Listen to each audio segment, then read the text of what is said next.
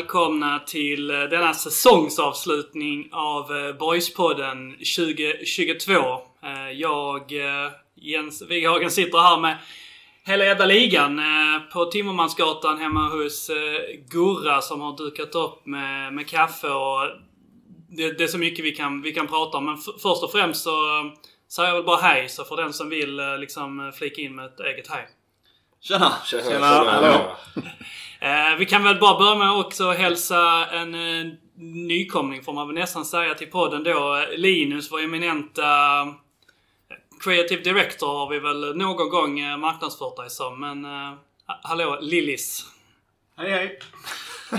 För de som inte vet, de flesta vet nog egentligen men vet inte det. Men eh, Lillis är den som gör våra omslagsbilder till, till poddarna. Men för, eh, för Kreti och Pleti är du kanske mest känd som Stickersmannen. Ja, så är det kanske. Så är det nog. Skulle jag kanske eh, att, att förminska dig själv. Men det tycker jag är någonting du borde ägna dig mer åt. Jag kan ju ägna mer tid åt det. Att förminska sig själv. Folk gör redan det. Ja. Ehm, Söderqvist, eh, kul att ha dig med igen. Du tog en liten, uh, litet, litet break. Det var länge sedan man hörde din, din stämma. Ja. Jo, jag blev sugen igen på att spela in med hela gänget så det ska bli roligt att surra idag. Och eh, vi har ju ett eh, jäkla trevligt eh, avsnitt framför oss. Vi ska utse årets eh, diverse. Eh, vi har jäkla massa frågor och kommentarer och ämnen som vi ska ta oss an eh, en, en efter en. Men eh, först och främst kanske säga tack till, eh, tack till Gurra som har bjudit in eh, till det här eminenta kakkalaset. Ja men varsågod. Jag kände de, dels av eh, bekvämlighetsskäl men även för att slippa som, som Anders sa sitta på konst- konstgräsfabriken en söndag. Eh, så jag tänkte lite, ja, men lite mysigare att vi sitter här och sätter man på en, en balja svett i vanlig ordning. Och, ja. Vi är tacksamma. Ja det var roligt. Och Håsan, eh, vi, vi fick ju order om att alla skulle ha på sig en fotbollströja på grund av eh, vi skulle ta ett, ett foto och du, du kommer i en Vara SK eh, tröja. Det, det är lite udda. Det är udda, men jag är udda. Fick, du- fick du det sagt? Ja, precis. Nej men det är väl det alla tjatar om alltid att, uh, Att du ska vara så speciell. Jag fick, fick ju löpa linan ut här och ta en division 5-klubb, tror jag att de är. Eh, pappas eh, pappas eh, gamla klubb i Västergötland. Jag vet inte vad jag ska säga. ja, precis. ja, men... Eh, nog, med, nog med det lilla och fram med det stora. Vi har eh, en del utmärkelser som vi, ska, vi ska ta oss igenom här. Så att eh, vi börjar eh, helt sonika med eh, årets spelare. Och eh, vi gör väl egentligen lite grann som vi vill här. Har man några namn man vill droppa så får man göra det. Men givetvis så ska, ska en vinnare utses liksom. Men, eh, vi bara börjar hos, eh, hos eh, Håsan då. Årets spelare 2022 för dig är... Det står mellan Ottosson och Kaddu skulle jag säga. Ehm, sett över hela säsongen kanske det, och lite med hjärtat så kanske jag ändå säger Kaddu för att det är en sån jäkla härlig revansch för honom. Han var ifrågasatt och jag eh, tillhörde de som eh, absolut ifrågasatte honom eh, efter förra säsongen eller under förra säsongen. Men jag tycker han har, han har varit en av seriens absolut bästa målvakter. Så att, jäkligt kul att han hittar tillbaka till någon, eller egentligen, han har egentligen aldrig varit bättre än han var, har varit denna säsongen. Synd att du inte körde vidare på det här udda spåret. Plocka någon i U19 som tar det otroliga steget detta året. Det var så jävla bra. Ja, men jag sparar det till årets boysar. Precis. Nej, det du skulle gjort är att du skulle ju tagit en damlagsspelare. Ja, precis, precis. Men, för att eh, liksom go woke all the way. Ja, men eh, det kommer jag inte göra. Jag, har eh, spårat ur vad jag ska idag. Ja, okej. Men eh, ja, Kaddu, det är väl ett namn som kommer eh, kanske återkomma här. Men eh, Anders, var, var landade du? Eh, ja, svårt svårt, jättesvårt. Årets spelare och årets, det finns ju mycket man kan säga om det. Men ehm, jag har redan landat i kanske en lite sån som jag trodde du skulle välja. Faktiskt lite udda, udda figur. Jag har landat i Johan Rapp som årets spelare faktiskt. Jag tycker han har den som ehm, lite i skymundan har gjort en fantastisk säsong faktiskt. Och varit med i nästan alla matcher. Och bidragit med den här kreativa backkänslan av att han kan driva boll och Nej, jag gillar Johan Rapp och hoppas han stannar länge i Boys. Så mitt val fall föll på Johan Rapp. Mm. Jag såg någon, ehm, någon statistik på, på Twitter. Det var nu i och för sig Johans pappa som... ehm, Lite bias kanske. Ja, lite. Men eh, ja, det, var inte han, det, var, det var inte hans siffror så att säga. Men eh, det var något av eh, de många liksom, dataföretagen runt statistiken och så som tog fram siffror på att han ja, men liksom var den mest kreativa försvararen i, i Superettan. I form av liksom hur, hur hans passningar i sin tur leder till, eh, till farligheter eller hur man ska, ska uttrycka det. Så, så, att, eh, så är det. Och att, som du sa, han eh, är ju en av de spelarna som har varit mest pålitliga i form av tillgänglighet. Mycket tillgänglig. Och det jag tycker också som har varit roligt med Rapp är att han är ju definitivt en av de som har tagit störst kliv. Alltså som har fått den största utväxlingen. Från att ja, men, vara lite valpig och, och osäker till att ha tagit jättestora kliv. Så det är häftigt. Böna, var landar du? Um, jag landade till slut i uh, Filip Ottosson.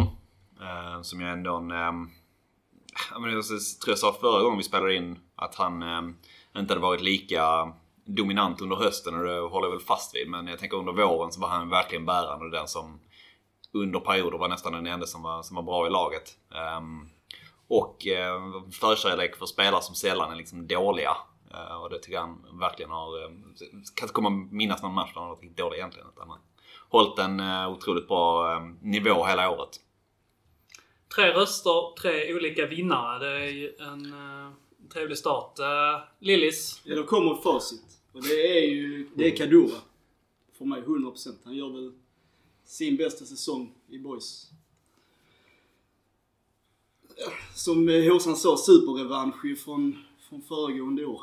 Eh, vi ska inte glömma att året innan det så var han ju faktiskt knäskadad hela året. Så det, den säsongen hade ju säkert kunnat komma ett år tidigare egentligen.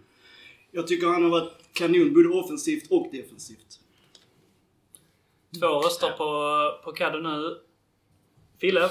Ja, här kommer eh, tredje rösten på Caddo. Jag tycker också att han har varit eh, bästa spelaren i år. Eh, som ni säger killar, eh, stora...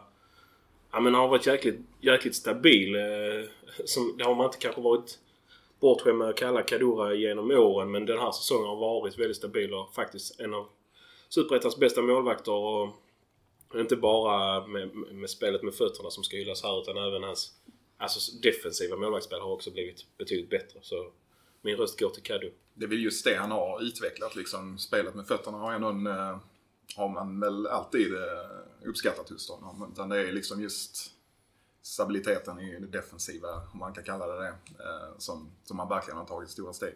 Men Förra säsongen kunde man kunde räkna upp egentligen hur många alltså så här, tavlor som helst på, sin, på sina händer. Bara som top of mind. Men det som liksom kommer till det nu är egentligen bara det här jävla dråpliga målet i den matchen under hösten. Där de trillar och har sig. Och det är liksom inte hans fel rakt igenom så. Men annars har jag ingen top of mind som man känner att det där var verkligen liksom Kaddos, eh, Kaddos fel. Nej.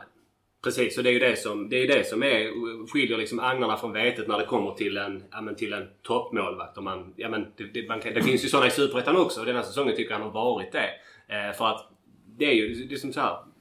Ta bort de här misstagen och vara stabil. Och sen har han ju en höjd också. Så denna, denna säsongen måste han ju... Okej, okay, Boys har ju haft perioder där de har varit ganska dåliga defensivt. Men hans statistik måste ändå vara väldigt bra. Eh, Så ja, vi kör på det.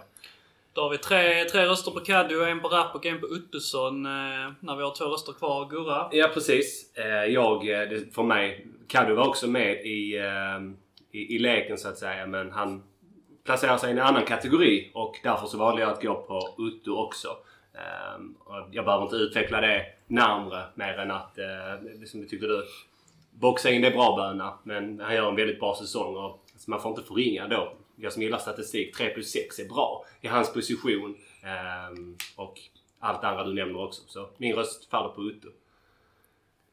Då är det min, min tur att avsluta det här segmentet. Jag hade också um, planer på, på Caddy, jag hade också planer på rap, men jag landade faktiskt i uh, Phil Andersson, som jag tyckte var min... um, jag har sagt det innan, någon, eh, att det, det finns en, eh, eller så här, ett talesätt att man säger att en spelare är en Jenga-piece. Att eh, om du liksom plockar bort en spelare så faller oproportionerligt mycket och för mig så var, var Fille en sån här eh, uh, Jenga-piece. Tornet föll liksom när han inte var med. Jag tyckte att han var väldigt bra framförallt defensivt på ett sätt som imponerade. Och sen så är det såklart att man, man ser lite annat ljus också efter lång och trogen tjänst. Så, men jag, jag blir imponerad av honom. Framförallt också för att han hade en liten tuff, tuff öppning på säsongen om jag, om jag minns rätt. Så, men äh, ja, jag fortsätter liksom förundras över hur, hur pass stark han är fysiskt och bra han är, är defensivt. Så att för mig så var faktiskt Fille, äh, Fille Andersson årets spelare. Fint att han fick komma med i det här snacket också. Mm. Tycker jag, efter den eh, säsongen som han ändå gör. Men det är lätt att man glömmer bort honom också. Man liksom räknar med att det är den nivån han ska hålla. Precis. Man tar Fille lite för givet. Ja, det, definitivt. Faktiskt, han var inte, var inte riktigt med i mina funderingar. Eh, Men jag, jag står fortfarande fast vid att Fille Andersson håller för topp top 7 i Allsvenskan. Eh, Superettans bästa mittback kanske.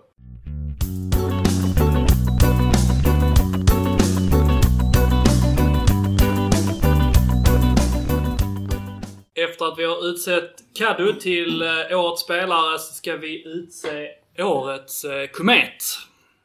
Vi eh, byter håll och börjar på Gurra denna gången. Årets komet Ja. 2022 för dig. Ja men precis. För mig är det en självklarhet och, den enda som kan ta hem det priset är Ussi Usman Diawara. Kommer från division 2. Spelade lite de tre första matcherna. Sen är det antingen läktare eller bänk. Sex raka matcher. Totalt åtta matcher utanför truppen. Eh, blir, ja, men kommer tillbaka efter uppehållet och där gör ju det liksom en, en stor förtjänst i Billy och Max också. Men förmodligen har han gjort någonting under sommaren. Eh, trots att han kommer ner här ganska ensam och timid och, och blyg. Jag kommer ihåg när ni intervjuade honom. Det var inte mycket självförtroende kring, kring honom eh, där och då. Och det klivet, liksom de kliven han tar eh, och slutar då på Ja, vad fan hade vi för eh, statistik? 8 plus 4. Eh, bästa poängspelare i boys och direkt avgörande i, i många matcher. Det, det tycker jag talar sitt tydliga språk. Ja, jag håller helt och hållet med Gurra där. Eh, Ussi får också min röst. Eh, jäkligt fin eh, utveckling. I början så var man mest förhoppningsfull och så, men han fick ju inte det till att lossna. Men sen när det väl, när det väl gick liksom och då blev ett jäkla driv i Ussi. Eh, syntes, som du är inne på, där med självförtroendet att han blev mycket, mycket bättre spelare med allt vad säsongen gick. Eh, så som komet, om betyget kallas det så, ja, välförtjänt eh, enligt mig också. Eh, jättefin säsong från Ussi. Man ska komma ihåg att han inte ens har spelat division 1 fotboll innan. Utan kommer direkt från tvåan och så går in och blir bästa poängspelare i boys. Det väldigt, väldigt imponerande. Två röster på Ussi direkt eh, från början. Lillis? Ja, eh, honom har man ju varit inne på också. Absolut. Eh, och sen så var jag inne på rap. Eh, som Gurra sa innan, lite valpig kanske. Föregående säsong har växt fram till att vara väldigt bra. Eh, men jag, jag skulle vilja säga Camille. Eh, för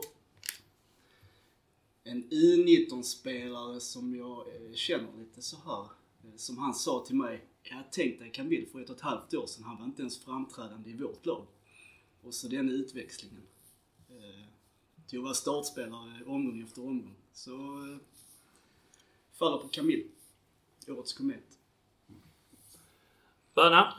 Ja, jag satt också um, velade mellan de här två. Både Ossi och eh, Kamin. Camille. Um, jag tänker Camille som du är inne på liksom har ändå en, um, började göra poäng på hösten också. Så eh, fick ju mycket, mycket chanser under, under sommaren. Uh, tog ett tag innan, innan, innan det blev poäng för honom. Men när han väl började så, så fick han ju en del poäng tänker man. Man säger att det fortfarande finns uh, utveckling kvar till, till nästa år. Så. Um, jag landar också i Ossi ändå. Precis som ni säger, komma från division 2. Få den starten som man får. Ehm, um, när man kände att okej okej, fan det där tåget gick nästan. Men att tassa tillbaka från det och sen blev ändå som sagt poäng som räknas i slut, slutändan. Och vi hade nästan inga andra nior som, ehm, som levererade. Um, Så landar Rossi. Det är två fina kometer helt klart som eh, har träffat oss rakt i huvudet. Men eh, jag landar nog på Camille ändå. Sett över hela säsongen är han... eh, Det känns som vi täljer guld. Eh, han har så många kvaliteter. Han är otrolig bollbegåvning. Snabb, rapp. Alltså, Inte rapp, men alltså ja, du vet rapp. Rapp finns ju många, mycket i mitt eh, liv nu. Men eh, Camille eh, hotar hela tiden backlinjen, sårar dem hårt, kräver mycket bevakning. Och det är inte det jag säger att inte Ussi också gör det. Men man måste välja någon. Det finns bara en vinnare i livet. Så eh, Camille är min röst. Inget snack. Tre på, tre på Ussi, två på Camille. När vi går över till Håsan. Mm, jag eh, tycker det är en jättesvår eh, kategori för att eh, nu nämndes ju rap här också. Liksom. Alltså, det finns ju spelare som, som redan kanske har slagit i boys men som har tagit fantastiska steg denna säsongen också. Där kan jag ju känna en sån som Ottosson fyllde otroligt stora skor denna säsongen. Gjorde det förtjän, förtjänstfullt liksom. Men, men jag har också landat i Jebara.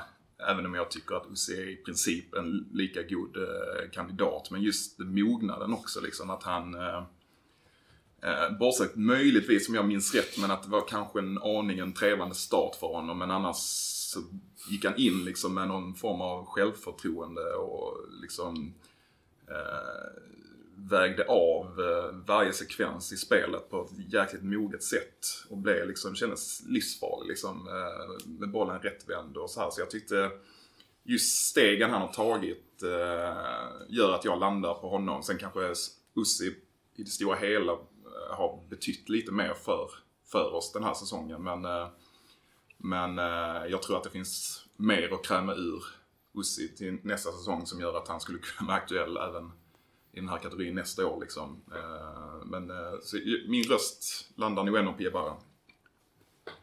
3-3 då Camille och eh, Ussi när jag eh, ger utslagsrösten. Och jag har eh, också eh, valt eh, Camille Jebara. Jag tyckte att eh, Sett över hela säsongen och liksom match för match så är det han som har presterat eh, liksom jämnast och bäst av, eh, av de två. Sen så har de lite olika, olika resor men Camilles resa är också väldigt eh, liksom häpnadsväckande. Jag kommer ihåg, jag tror det var denna säsongen jag förstod att han liksom inte ens var fostrad på riktigt i klubben. Utan han hade den här Israel-bakgrunden och så. Eh, så det är liksom så här någonting om eh, hur ouppmärksam jag är men också kanske hur eh, undanskymd tillvaro han eh, liksom eh, förde. Eh, och hur han nu då ryktas vara på väg till Allsvenskan delvis. Och i princip liksom fyllde Kevin Jensens eh, skor eh, minus några poäng eh, på ett, på ett förtjänstfullt sätt. Så eh, där, där landar jag. Och då är det spikat. 4-3. Camille Jebara är årets komet 2022. Får man flika in lite snabbt? Ja, men du kan inte ändra resultatet. Nej, precis. Jag lägger också min... Nej, men det som, det som är intressant, precis. N- några eh, poäng färre än Kevin Jensen. Det man inte får glömma är att Kevin Jensen hade väl i princip tre hela säsonger i Landskrona Boys A-lag. Detta är ju Camilles första säsong och går in och tar de kliven. Så det, det förstår jag. Och det är väl till och med så att en av hans föräldrar är väl från Palestina och han är upp, eh, uppvuxen i eh, Israel då. Det är också ja, speciellt liksom. Och Beundransvärt i, i sig på något sätt. Det man kan säga om Ussi också är ju att ehm, det är väl egentligen liksom, man, man vill väl inte vara den, men att eh, tar man bort en del av hans mål så är ju liksom hans spelare, spelmässiga insatser kanske sedd i ett litet annat ljus och en del, det blir liksom spelarna måste göra liksom en viss mängd mål innan man kan vara säker på om det är tillfälligheter eller om det är skicklighet att man liksom dyker upp och gör vissa typer av mål. För väldigt många av hans mål är ju trots allt mer eller mindre bara att eh, där kom bollen, där kom mitt huvud och där blev det mål. Eh, det är liksom inte eh, så många av målen som är teknisk skicklighet eller hur man ska säga. Och eh, det kan vara liksom att det är hans instinkter och att det är någonting som återupprepas. Men det finns också liksom eh, en del spelare som gör så några säsonger och sen så liksom var det inte så mycket mer än så utan det var bara lite tillfälligheter. Så att man får väl se lite grann eh, med, med liksom vart, vart det barkar. Men hade man sett han, alltså där bara så. Löv, ska jag stå upp för min Ussi-röst då liksom? Det ska men du att, göra. Det förtjänar Nej, jag vet inte, hade man bara sett hans vårsäsong och han hade haft målen på den liksom. Så hade jag verkligen varit med i det. Men jag tycker under, under höstsäsongen att han också tog kliv i spelet eh, och såg ut som en helt annan spelare. Även om såklart han är yvig och eh, kommer göra fel inom situationstecken eh, fler gånger än vad Camille kommer göra för att han är bättre skolad liksom. Ehm, men jag tycker ändå att det finns grejer som gör att Osi även i spelet ser ut som en annan spelare under hösten än vad han gjorde under våren. Och framförallt fick han ju till det här, eh, typ Fredrik Karlsson, Jons Kussi, mottagare, Ja, lite suga in bollen, Precis. sugkoppen-känslan. Plus ett huvudspel som vi inte haft på länge av en eh, forward tycker jag som är rätt, ett hot. Ja, Jag håller med. Ja, åt, eh, åtta, så mål är, åtta mål är åtta mål. Det är ju väldigt... eh, Det är imponerande. det är bra liksom för i princip eh, vilken eh, bakgrund man har eh, som helst. Då eh, hoppar vi vidare till, eh, till årets boysare. Och eh, den här är väl kanske den utmärkelsen som är lite... Man får egentligen lägga in sina egna personliga vikt vid vad man liksom anser att en, en boysare liksom är. Så att det kan vara så att man lägger ner 100% av sin, sin liksom känsla på vad spelaren gör på plan eller vad liksom spelaren står för. Det kan också bara vara ens personliga liksom, känsla för, för spelaren här. Så att här, här får vi väl eh, kräva en viss, viss motivering till, till vem man anser vara årets, eh, årets boysare. Jag tänker att vi kan börja på, eh, på Anders eh, på denna här. Vem, eh, vem har du utsett till din årets boysare 2022? Uh, eh, ja, um, i Danmark brukar man göra det till Danmark men uh, det finns ju många företag som håller på med sådana här kulturbärarevent och vi ska ha någon form av kultur inom vår organisation och det gör man stora happenings. Men jag tror inte man behöver det riktigt boys. Jag tycker valet är där kommer Kadoda där in för mig. Jag tycker han eh, signalerar bakom kulisserna. Han är inte ute på kanske på Instagram och gör några häftiga grejer. Men jag tror inne i omklädningsrummet tror jag han är Mr Landskrona Boys. Ehm, och eh, utan honom där så tror jag det hade sett annorlunda ut. Så för mig är det liksom en familjefadern där inne i omklädningsrummet. Så Kaddo eh, tycker jag är årets boys. Dessutom har han gjort det bra på plan. Så eh, två, ett plus ett blir tre nästan. Det är mitt val. Håsan, var landade du? Ehm, nej, men jag var också lite inne på Kaddu men valde bort honom i den kategorin eftersom jag valde honom som årets spelare. Ehm, jag tyckte eh, just det här med liksom kulturbärande och, och den biten så tycker jag att vi har fått en del fina injektioner de senaste åren. Alltså spelare som inte nödvändigtvis är, är liksom eh, våra bästa eh, och viktigaste spelare i, i spelet liksom. Men som ändå har fått en, en annan form av effekt. Eh, vi har haft en sån som Svante till exempel. Men, men även eh, när Hedenqvist kom in i, i truppen här eh, med den liksom attityden och eh, ja, men så här eh, förhållningssättet gentemot eh, klubben och supportrar liksom. Det blev en, eh, en injektion plus att han dessutom eh, inledde väldigt, väldigt bra också. Eh, och har varit eh, sett, alltså mot hans bakgrund och så, varit, varit bra liksom hela säsongen egentligen. Sen, eh, sen har vi ju spelare som jag absolut håller högre än honom, men, men jag tyckte som injektion för hela klubben liksom och, och hur han, eh, ja, hur han liksom akklimatiserar sig här nere så tyckte jag det var, var jäkligt kul. Eh, det känns som att han verkligen brinner för, för att spela i Landskrona Boys trots att han kommer utifrån. Och eh, då kan jag känna att han kan vara värd en, en röst för mig. Så Erik Hedenqvist, eh, årets eh, boysare. Ja, eh, ja, men jag är väl lite grann inne åt det hållet där, men eh, min röst föll faktiskt på, på Vilas. Efter, lite grann efter kanske lång och trogen tjänst att den här typen av priser kan vara sånt som jag, jag tycker att man liksom kan, kan tacka av någon för. Jag tycker att eh, jag tycker dels att det liksom finns eh, en hel del i att hämta i hans resa och liksom vad han har betytt för, för klubben fram tills nu. Jag kan hålla med om att det liksom är ett naturligt eh, avslut nu egentligen. Ehm, att han har gjort vad han, vad han kan och vad han behövde göra i, i klubben. Men eh, också att det liksom, det finns någonting i att, och alla kanske inte håller med om det, men jag, jag, jag tyckte att det fanns någonting värdigt i den här ehm, lilla soppan som var i somras när han inte liksom kände att han hade fått, eh, fått svar och besked ifrån, ifrån klubben och att han liksom lite grann eh, ställde dem eh, till svars. Jag vet att många tycker att sånt ska man hålla internt och sånt ska man eh, inte prata om i media.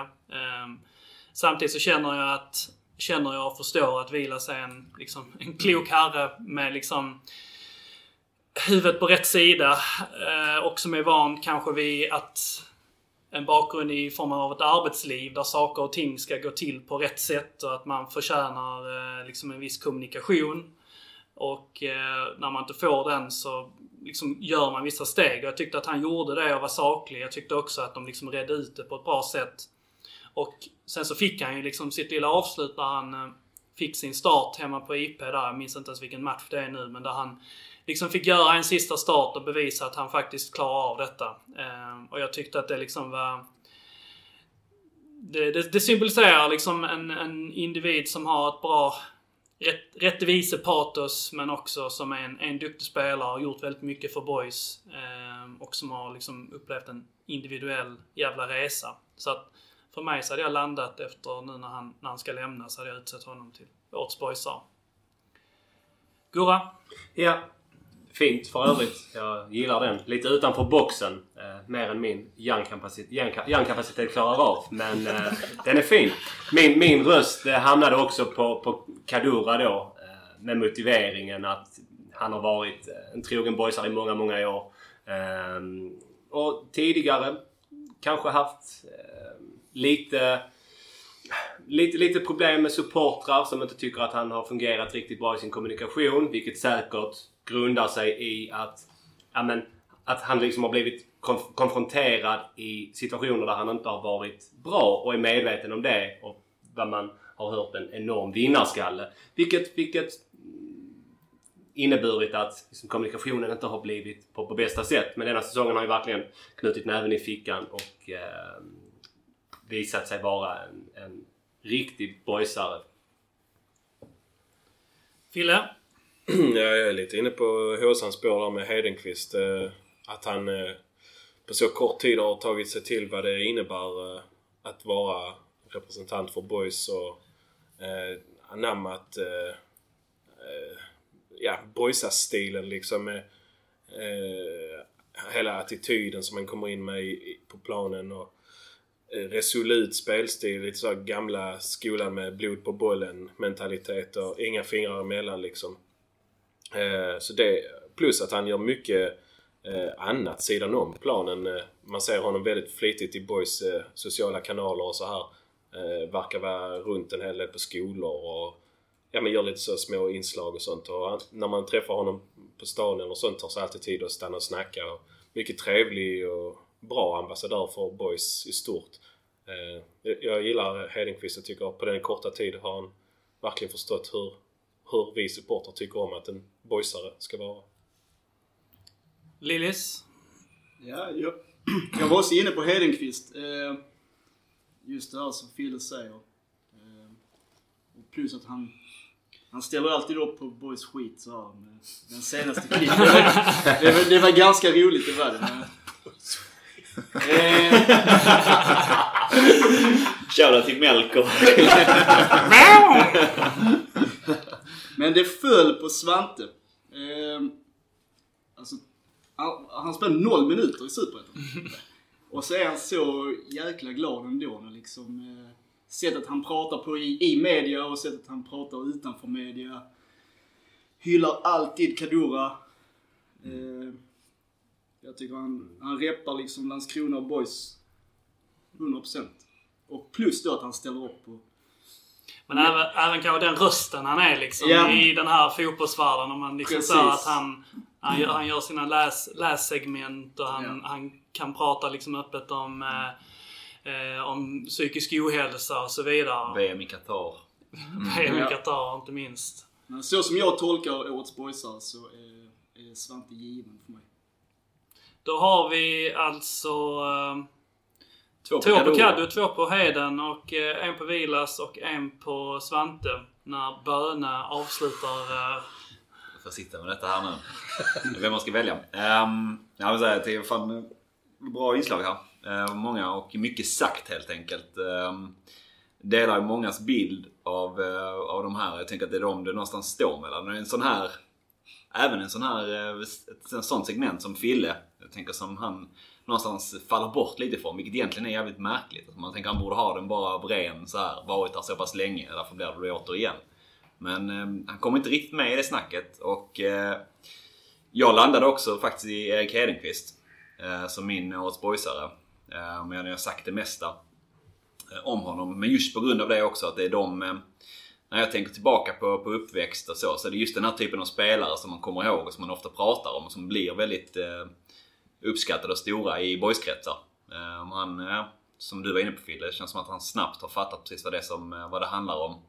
Och omfamnar eh, allt det man vill med en, en boyspelare egentligen. Bra, bra knock där, men då tar Hedenqvist eh, årets boysare 2022 eh, på, på tre röster. Det kan vi vara glada och stolta över.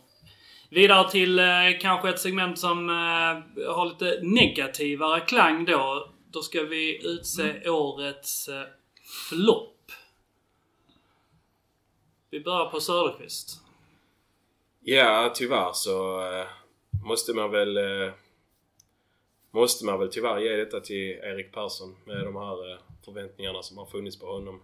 Eh, man trodde att detta skulle bli revanschens år med kvitt från skador och så men Ja, nej det blev, det blev inte bra den här gången heller eh, tyvärr. Så man, vad man har förstått med att han har eh, varit en av de bättre betalda spelarna och ja, man vet vad han, vad han har gjort för klubben tidigare och haft höga förväntningar utifrån det. Och så har ju inte leveransen alls varit i närheten av vad det man hoppades på. Så för mig blir floppstämpeln till Erik Persson. Ja. Vi fortsätter hos Lillis. Eh, det, det hamnar hos vårt, eh, vårt enda, tror jag det är, etablerade nyförvärv inför den säsongen. Nikola Laden. Eh, Gurra, sluta gråt. Eh, nej men han kom väl från en dålig säsong eller så här från Gais liksom. Men om man kollar bakåt så, så är han ju etablerad och han har ju visat att han kan leverera på den nivån. Och jag kollar ju in Best of på YouTube som Gurra rekommenderade. Och, alltså jag menar det, Blev lurad. det hade mycket väl kunnat bli Superettans eh, Verratti. Eh, så blev det inte. Eh, sen, sen om man kanske inte fick tillräckligt mycket speltid för att visa upp det. Tyckte ändå han såg ganska fin ut på försäsongen. Hade en del assist och så vidare. Men det flög inte för den gode Ladan. En på Persson, en på Ladan. När Böna stegar in. Ja, och det är väl de här två eh, som det står mellan. Man vill inte säga Persson heller för man, eh, på tal om säger åt boys, han har väl lite ändå det också. Att han någonstans eh, omfamnat eh, lite grann att komma någon annanstans ifrån eh, Skåne och ändå eh, omfamna lite boyskultur så. Um, men om man tänker skillnaden från, från högst, liksom högsta nivå och fallhöjd så är väl kanske den större till eh, hos Persson. Um, men samtidigt så landar ändå ni laddan Ladan på, på, på grund av att liksom lägstanivån var betydligt lägre där tyckte jag. Um, fick jag inte många chanser i Superettan. Det ska man ha med sig. Det var väl 20 minuter eller något sånt. Men... Um, äh, vad fan. Det, för mig så är den rätt så solklar. Just med på någon jävla vänster blev handplockad av Billy och Max också. Um, så verkar det ha varit uh, katastrof. Helt enkelt. Så han får det för mig. Jag gillar inte den här kategorin. Jag är alldeles för blödig och alldeles för dålig på att ta och ge ut eh, sån här kritik. Men eh, min fru brukar säga att hon har mycket visioner. Jag hade en vision i den här säsongen att Melker Heijer skulle vara en av de bästa spelarna som bara skulle ta de fetaste kliven. För jag såg vilken potential det är. Så, och när då visionen bara trillar ner till golvet så, så landar jag nu i Melker Heijer. Inte för att han har varit dålig på något sätt men bara för min vision var så jävla mycket högre. Så därför, för mig är det den största floppen i år. Jag hade faktiskt glömt bort att Ladan, att vi hade Ladan faktiskt. För annars hade det kanske varit ett annat val. Men eh, inte alls dålig, men för mig den största floppen i min värld. Ja. Ett, men ett intressant uh, och på många sätt bra val. Jag har väl kanske varit mest kritisk mot uh, Melker här också. Liksom, så, så att jag, jag förstår. Och det är som du säger, det kommer, det kommer på något sätt utifrån en kärlek och en förhoppning. Oh ja, en jättekärlek. Plock, plockar ju dessutom tröja 10 inför säsongen. Håsan, var, eh, var Ja. landar du? Nej, men jag har väl äh, egentligen faktiskt tänkt på alla. Jag har till och med tänkt på Heijer. Men äh, just med att, äh, att han också äh, gick in i säsongen med rätt så gott självförtroende. Vilket jag i och för sig gillar liksom. Och, äh, och så här. Men jag, jag, jag kan ändå liksom inte... jag landar inte i honom ändå liksom för att... äh, jag menar, alla kan väl liksom... Det är väl inte helt ovanligt att det blir på det här sättet liksom eh, i, vad ska man säga, säsong två liksom om man har haft en, en bra säsong innan liksom. Så där, det, det kanske är lite för radikalt för mig. jag vet inte. Får vara. Ja, men precis. Sen eh, funderar jag ett tag lite grann på medlemstältet också. Årets flopp. eh, Det, det, finns, det, det, det finns en god intention där men det behövs jobbas lite med det. Jag tänkte på lärdan också men känner där liksom att det är fan, det är inte bara, ligger inte bara på lärdan där. Jag tyck, alltså det är ju en, det är en dålig rekrytering från Borgs sida liksom. Det är för, det är för de som plockar in honom står för också tror jag. Uh, han, han, han hade nog inte förutsättningarna för att lyckas med det här liksom. Så att det, det känns som att det är ett delat ansvar där. Jag kan flika in där med Läraren också. Jag, jag, jag, anledningen till att jag inte valde honom är också att jag tycker att han har inte fått tillräckligt många chanser på sig att visa att han är dålig. Alltså om du Nej. förstår vad jag menar. Om man nu Mm. ska ha en floppstämpel så måste Mm. man bevisa att okej, Ja, men du, jag- du, du är inte tillräckligt bra men... Och det kan jag hålla med om. Sen, sen är jag inte säker på att jag tror att vi borde ha gett honom fler chanser heller. Ja, Man fick ju 20 minuter. Mm, nej men, men liksom så här, det, det, man har ju säkert gjort bedömningen att han inte dög helt enkelt. Då, då är väl det fine liksom. Men, eh, men någonstans liksom, det är, det är, inte, det är inte bara lärarens fel utan, utan det är liksom en, en jättedålig rekrytering helt enkelt. Utan eh, jag landar ju också i Erik Persson och det, det tar emot att säga det för jag, jag, jag gillar ju verkligen Erik Persson så otroligt mycket. Jag har velat att det ska gå eh, så himla himla bra för honom. Liksom att han ska få den här revanschen för att eh, han, är, han är en av de spelarna liksom de senaste tio åren som ändå har gjort störst avtryck eh, hos mig liksom. Eh, så jag, det är ju, det är ju, jag lider med honom. Men någonstans så, så får man väl bara säga att det, det gick inte liksom. Och det, det ligger liksom inte... Alltså det är inte Eriks fel säkert. Han har nog gjort eh, så mycket han har kunnat liksom för att hitta tillbaka till, eh, till den nivån vi vet att han, han besitter. Men det har, inte, det har inte gått. Han har haft ja, säkert en hel del otur på vägen. Mycket eh, sjukdoms och skadefrånvaro även denna säsongen. Liksom, bara att det inte har varit någon liksom, stor, mer, mer att portionerat ut eh, med, med små skador och sånt eh, hela tiden. Och sen så har han under vissa perioder känns som att han är på gång. Gjort mycket mål i, i, i kuppen och i 21. Eh, jag tycker att till och med har varit riktigt bra i vissa matcher liksom utan att få liksom poängen att trilla in liksom. Men så det är liksom ett tungt hjärta jag ändå lägger min röst på Erik Persson. Jag hade hoppats på ett mycket, mycket bättre avslut i boys och Eh, ingen skugga över Erik utan han är fortfarande liksom eh, en boysare liksom. Eh, I mina ögon. Så jag önskar honom all lycka till i framtiden.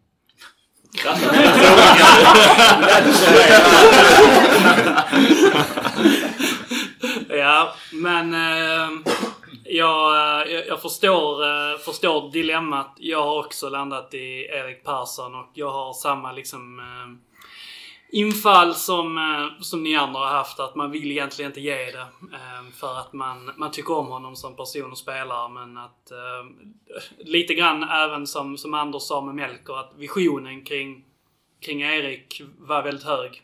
Och förhoppningen också. Men det funkar inte av olika anledningar. Ehm, och nu så ska han väl fortsätta i Österlen i, i ettan liksom. Så vi får väl se liksom var, var fotbollsvärlden tar honom vidare. Ehm, jag, jag tänkte inte ens på lärdan heller. Ehm, Jag hade glömt bort honom. Men lite grann som Fille sa också där att ja, han fick 20 minuter liksom. Hur mycket...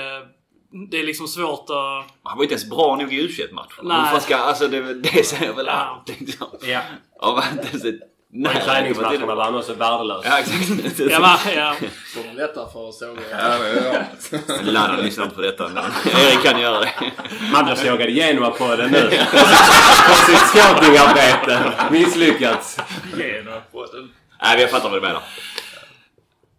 Gurra. Ja, nej, det följer ju på, på, på laddan också. Vi har haft roligt åt det. Det var ju en väldigt, det var en väldigt intim och trevlig intervju här hemma.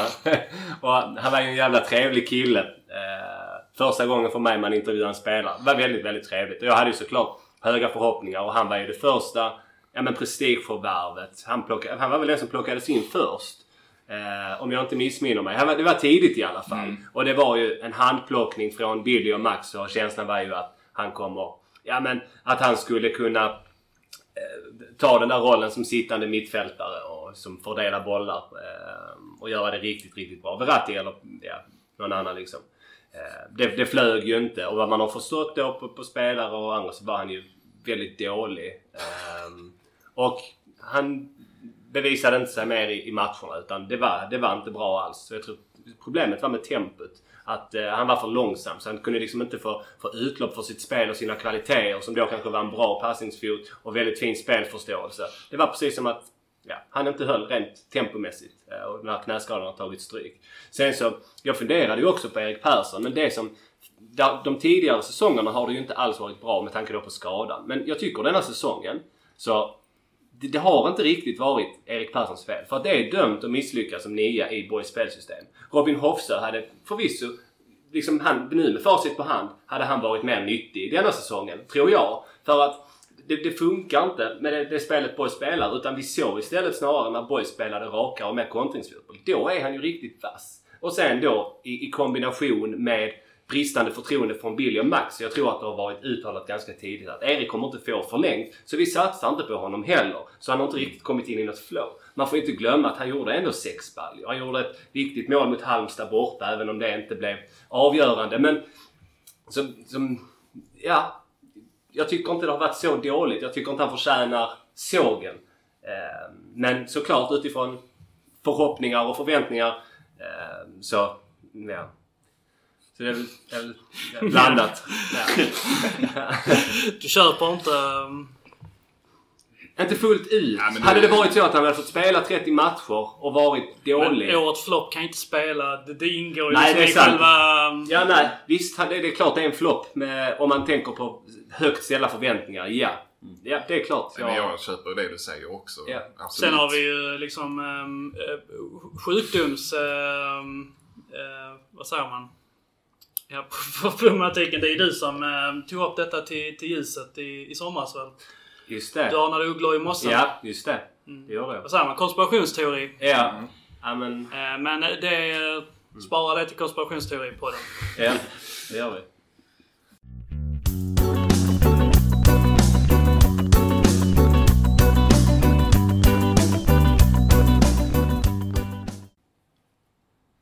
Ja men då har vi eh, med, eh, med lite sorg i bröstet fått utse Erik Persson till, till årets flopp 2022 men eh, i samma andetag får vi önska honom lycka till i Österlen då som har ett jävla...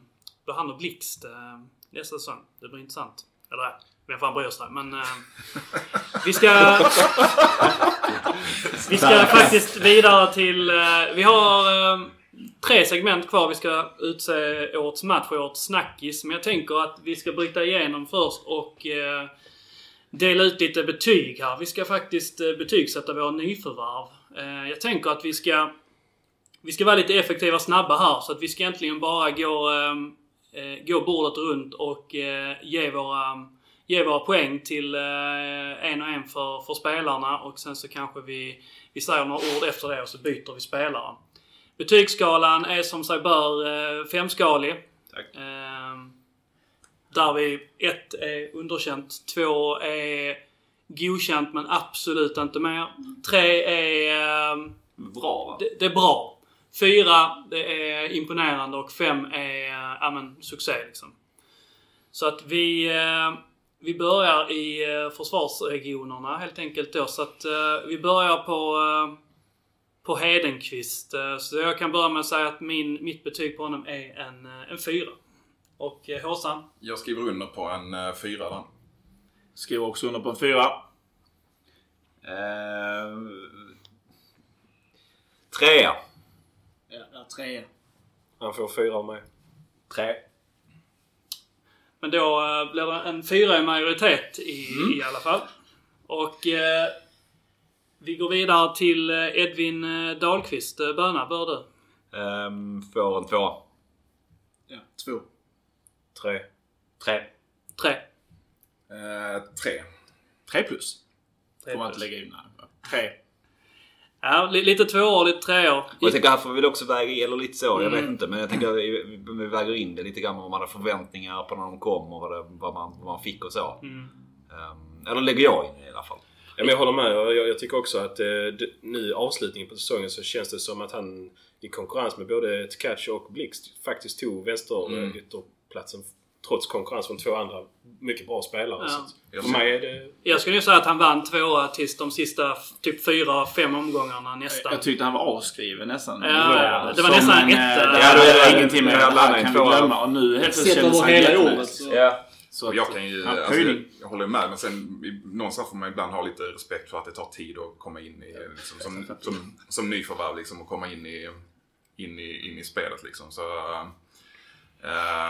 ja men just, just med att han äh, satte så många konkurrenter på, på sidan här i, i slutet av säsongen tycker jag ändå. Men visst, trean är kanske i överkant men äh, någonstans mitt emellan två och tre i alla fall.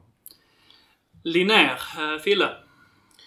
Nej, det, det får nog bli en etta tyvärr. Och det är också lite sett i förväntningar och förhoppningar. Jag trodde att eh, Linnér skulle flyga. Sen klart det är en jäkla oturlig skada han drabbas av. Men jag hade ändå lite förhoppningar på att han skulle ta den kanten och göra till sin. Och riktigt så blev det faktiskt inte. Jag tror bara han fick tre starter totalt. Så.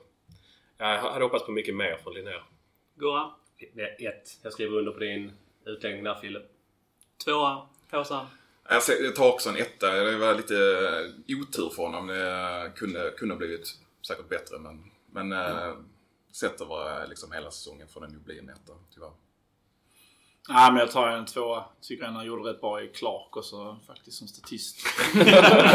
så jag får en höja betyget faktiskt. Eh, Men fotbollsmässigt var det ju tufft. Men eh, skador kan man ju inte plocka. Ja, tvåa. Uh, solklar etta för mig. Um, drabbades väl lite grann av det här med ytterbacks. eh, att de aldrig, de fick bara 45 minuter var en period där. Alla ytterbackar mer eller mindre. Och försvann väl lite där när det skulle kunna sett bra ut. Men uh, sett över hela säsongen så uh, aldrig ordinarie egentligen. Stack sällan ut. Um, ja, tyvärr underkänd för mig. Ja, ett. Det är bara att instämma på det bönen. Just så. En etta på, um, på Linnea. Till hans kollega Jeppe Strid. Um, Anders, var... Uh, Ja, men, det, det är en trea för mig. Alltså han kommer från ingenstans och uh, levererade en helt okej intervju. Men nu, vi ska inte blanda in det. Men han, han strider ju på får man ge honom. Han har inläggsfot som en sten. Men... eh, jag tror ändå, kan man slipa på den kan man slipa på den stenen så, så finns det mycket i Jesper Strid. Ja, men han har, ja, men jag, jag, ger honom en trea faktiskt för att det, det är ändå en jävla resa han har gjort faktiskt. En trea med stenfot finns det potential. Ja, det finns det definitivt. Jag var ändå säker på att du började den här liksom, trean och att han kom från ingenstans. Att du skulle liksom um, väga upp för att limma på hans flickvän under intervjun så. Men, Det var inte hans Nej, det är flickvän. Han är ju singel. Ja, långt- okej. Nej, han var inte singel. Han var det. Okej, men ja men då är han en sten då. Du hade ingen chans. Annars hade du gjort. Okej. Alla, alla lyssnare känner inte till det, Nej. att Anders liksom Nej. gör alla, alla, alla, alla, flickvänner som han intervjuar uh, obekväma. Ja, ja. Okej, min fru lyssnar på Vidare. Um, en tvåa. Um, gör väl ändå en godkänt slut men um, ja. Det finns, eh, han, har- han har mycket att jobba på framöver ändå. Ja, jag instämmer. Två där. Saknar att inlägg, inläggsfoten och ja, det offensiva där. där. Där finns mer att hämta.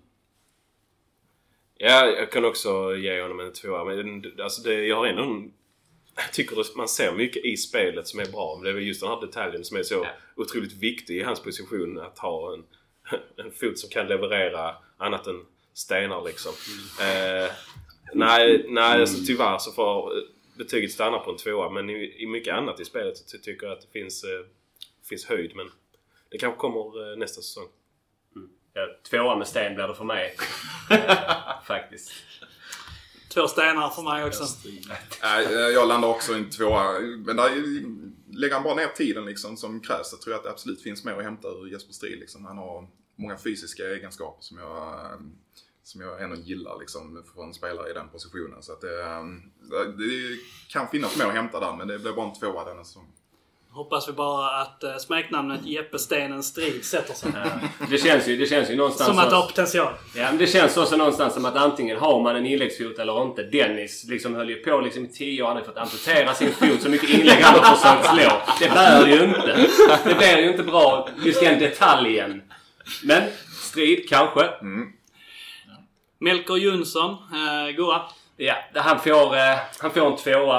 Eh, två minus skulle jag säga. Det pendlar mellan ett och två. Eh, fick ju lite förtroende i början. Fick mest agera inhoppare på centralt mittfält. Några matcher gjorde det helt okej. Som mittback, oslipad, eh, osäker. Men med en potential. Så ett och ett halvt. Ja, det är väl lite... Gör man inte så i tidningssammanhang när någon typ blir inbytt med en kvart kvar så Nej, bara, man bara liksom skippar det. Och det är väl lite grann där jag landar på här också men... Kniven mot strupen så blir det en två där också men det är väl to be decided för, för min del. Håsan? Ja, Jag kopierar ditt svar där. Det är lite för lite, för lite sp- speltid för att egentligen kunna göra en rättvis bedömning. Så det får bli en tvåa. Jag tror det finns mer att hämta till nästa säsong. Ja, tvåa med potential. Jag landar väl också i det. Um, tycker man ser... Um, han har spelat sån här högermittback oftast när han har spelat. Uh, tycker han blir lite för isolerad, lite för ensam liksom, i försvarsspelet där. Tänker att han är en sån spelare som funkar bättre på ett uh, centralt mittfält. Alltså när det är mycket spelare, mycket händer runt omkring honom. Han mer får agera instinktivt. Um, så, men ja, två för att... Ja, inte för att visa egentligen. Nej, det går inte att sätta. Det är som ni säger, att det är för lite speltid. Två. Ja, det får väl bli en tvåa men återigen, det är lite samma som med, eh, med strid. Alltså man ser att det finns många bra och fina intentioner och egenskaper. Vi får se, nu har han ju en knäskada så vi får lite se hur han repar sig från den men eh, förhoppningsvis så är han med och konkurrerar på allvar redan till nästa säsong. Emil Lindman, Böna. Ehm, två samma preferenser som vi precis sa med Melker Jonsson. Egentligen inte sett så mycket. Men ser, tycker jag har sett eh, så fin, fin ut när han väl har fått chansen. Ehm, lite valp fortfarande såklart. Jag tänker att det är sån... ehm, eh, kommer ta lite tid. Men eh, en tvåa. Lillis. Ja, det kan bli en ny rap kanske, så nästa säsong. Men två. Ja, jag skulle nu kunna skriva under på det också. Återigen, alltså man det låter som man upprepar sig men det, det finns ju mycket fint i honom men han ska få ut detta över tid också tycker jag. Eh, och han har inte slagit sig in som en ordinarie spelare heller så han får en eh, tvåa, en godkänt. Mm. Tvåa med jättehög högsta nivå. Jag tycker man såg i, i en del matcher att han, att han har alltså, verkligen en hög potential och unika kvaliteter. Eh, problemet är ju då att han fortfarande är ung och att han, han har ett spel som med en ganska hög felmarginal och det gör att han är ung och vill mycket. Och när han väl då liksom faller ur lite ur matcherna så kan det bli väldigt svårt. Så behöver jobba på jämnheten. Tror att han kan bli en, eh, en försäljning i framtiden. Ja, två här också. Ja, jag skriver under på, på det mesta som sagts här. Ja, så det känns bra. Det ni säger på Men, två. men frågan är egentligen vad man vi- vill att, eh, att han ska spela. Som jag förstått det när han spelade i Malmö FF-spelaren då på högerkanten medan i Boys Högerback va till och med. Ja, och Boys har mest varit inom mitt fält här. Så att jag vet egentligen inte var Boys bör, om han ska ha en startelva att göra, var han då ska ta plats. Men Du spelat, när jag har sett eh, på någon som var U21 så också spelat inom mitt fält. Där Mm. egentligen eh, de. för där känns det som att där är konkurrensen kanske något hårdare än vad det är på högerbacken. Men vi får se. Ja, precis. Jag tycker han, jag, utifrån mitt sätt att se på det så tycker jag han ska spela på det centrala mittfältet. Jag har ju sett honom för lite som högerback. Jag har för mig att han fick li, spela lite en match. För då tyckte jag inte det var superbra.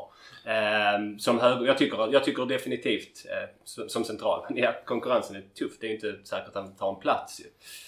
Men det tycker jag. Det, är lite, det blir lite så form, formationsproblem för honom nästan då. Att om man liksom ser på honom som spelare så tänker man att han ska han vara högerback då borde han kanske spela i en fyrbackslinje. Ehm, för att han, är, han har känns inte som att han har liksom fysiken för att täcka en, en vinge. Ehm, samtidigt som han inte heller riktigt fysiken för att spela mittback i en trebackslinje så att säga. Eller höger mittback. För att då behöver du ha ganska stora fysiska, eller defensiva egenskaper också. Så att han, eh, det är väl därför man kanske har liksom börjat använda honom på mitten mer. För att han har så pass mycket eh, liksom, spelegenskaper och så. Ehm, vi får väl se. Adam, spöket är gnäll. Håsan? Ehm, jag skulle väl säga att det är ändå en... Ja men det blir ju en trea. Uh, första halvan av säsongen är han närmare en tvåa skulle jag säga. Men i andra halvan av säsongen skulle jag säga att han är närmare en fyra. Så att eh, med beröm trea liksom. Adam Enell tycker jag faktiskt har gjort en liten sån eh, lite uppåtgående trend. Så det pendlar mellan 3 och 4. Jag satte 3 plus får man inte säga. Så det, men nu är jag snäll så jag sätter en 4. Jag tyckte han visade på slutet att det här finns mer att ge. Framförallt om man kommer upp mer offensivt i banan så han inte gör en um, Ivo Pekalski-känsla att han bara slår den bakåt hela tiden. Men eh, han har mycket fötter i sig. Fina fötter. Hoppas kan utnyttja dem till nästa år. Lite konstigt känns det för han gjorde väl mer poäng i våras egentligen. Men spelmässigt så har han sett mycket bättre ut under hösten. Han har ju varit low-key en av faktiskt, när Otto kanske inte varit lika bra som en av ehm, som en av de som har presterat allra bäst faktiskt sista kanske 10 matcherna. Ehm, så med den potentialen där så tycker jag snuddar mot en fyra. Men jag landar i en trea ändå med, som ett helhetsbetyg. Jag, hopp, jag också nosar på fyran där, men jag får fram fyra plus två, Gurra. Du som har stenkoll 4 på plus allt. 3. Fyra plus tre. Ska man dubbelkolla tror jag det var. Ja. Som poängspelare så nej. Så det drar ner det till tre.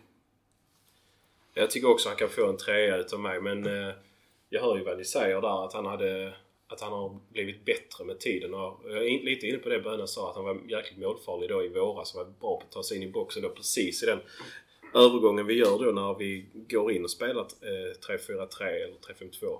Ehm, så då, den perioden tyckte jag egentligen att, att, att, det var, att man fick ut mycket just för att vi inte hade haft de här offensiva löpen tidigare som vi, som vi då fick från Egnell. Jag tycker att han, han hade tjänat på att vara lite, lite kvickare i aktionerna. Det känns ibland som att det går lite, lite för långsamt där inne men tror ändå och hoppas att det skulle han kanske kunna bättra på liksom och lite, spela lite mer på instinkt. Så det finns mycket fotboll i honom. Det ser man ju när han, när han lirar liksom. Så trea får han på mig. Ja. ja, men jag tycker ni, ni fångar in det väldigt bra. Jag säger också en trea med motivationen och det är också någonting jag har tänkt på att precis som du sa Bön, att i början av säsongen då var han på rätt, rätt plats vid rätt tillfällen och gjorde mål. Eh, men var ganska anonym i spelet i övrigt och där har han ju tagit kliv. Nu tycker jag att han verkligen syns. Och ja, men gör väl inte sig förtjänt av, av smeknamnet Spöket längre. Eh, Men det har satt sig. det har det. ja, Bön. En trea här också. Då eh, går vi till Robin Sabic. Eh, Gurra? Ja, det blir en, det blir en tvåa. Eh, med tanke på med tanke på extremt högt ställda förväntningar. Eh, framförallt från... Ja men det var ju också en prestigevärvning från Borgs sida och, och det har väl lite legat Robin Sabic i fatet att han var... Ja men att han hade väldigt höga krav på sig själv. Eh, med uppemot 20 poäng och det var ju inte i närheten. Eh, utan det slutade väl på 4 eller 5 poäng. Eh, och har ju inte fått riktigt förtroende. Någon match på slutet där han faktiskt visade fina kvaliteter. Jag har ju varit väldigt skeptisk tidigare men någon match på slutet där han faktiskt kom in och gjorde det bra och visade prov på, på det här som ja, men, jag vet du Fille har beskrivit och sagt att som, som, jag menar, som du tycker se. Eh, Så en tvåa. Ja men ja, ja det, han kan få eh, en tvåa i betyg. Det är lite kopplat till att han inte heller har lyckats ta, alltså bli en startman över tid utan man hade hoppats på lite, lite mer men samtidigt så har man ju tillförsikt till framtiden. Han, är, han ska vara här i flera år till förhoppningsvis. Och hopp, eh, bara hoppas att han kan eh, slå sig in i elvan igen men konkurrensen, det beror på hur de ska spela. Ska han spela på högerytter som han kanske har gjort tidigare så Camille eh, ligger faktiskt steget före där måste man säga liksom. Men samtidigt så har han en jäkligt fin teknik och ganska bra spelförståelse också. Så eventuellt skulle han kunna vara med och hota på en mittfältsplats om, om det skulle visa sig att Boys vill använda tre mittfältare igen i framtiden. Så vi får väl lite se hur tränarna tänker angående formation och så. Det kan nog eh, bli ganska så avgörande för Robins speltid, vilken formation vi väljer. Ja, jag landar också i två. Uh, han måste... Han måste ju kriga sig till en startplats för att höja det betyget. Uh, sitter ju kvar i samma sits som, som han var i Värnamo men... Det finns potential. Um, etta för mig. Um, handlar mycket om egentligen med högt ställa förväntningar och att han själv också satte de förväntningarna på sig själv. Om vi träffade honom. Att han ville vara den som skulle sticka ut, den som skulle göra skillnad, den som man skulle luta sig mot när det blåste snålt. Det lyckades han med egentligen aldrig med förutom ett inhopp mot uh, Trelleborg. Um, och um, spelartyp som jag egentligen gillar. Um, både liksom en fin fot och kan utmana bra, bra speluppfattning men har inte fått det att flyga. Uh, tror fortfarande att det finns saker att hämta men uh, denna säsongen blir en etta. Ja, bra sammanfattat. Men jag är lite snällare med tvåan i alla fall. Men bara eh, en första säsong han kan eh, förbättra sin fysik. Jag tycker duellspelet är för dåligt. Eh, trots att han spelar på en ganska offensiv position så måste man ändå kunna vinna, lite dueller och det gör han aldrig. Så att med lite träning i boxen så kanske vi får upp till en trea nästa år. Mm. Ja, jag äh, säger samma som Anders. Jag pendlar lite mellan både ett och två. Men det är, det är en svag tvåa och då är jag väl ganska snäll. Ja, en tvåa här också. Eh, så då landar vi väl i en eh, konsensus tvåa. Sista spelaren tror jag, Ussi. Jag kan börja med och det är en femma för mig. Mm. Det var... Det gick ut hårt där. ja men jag säger väl en fyra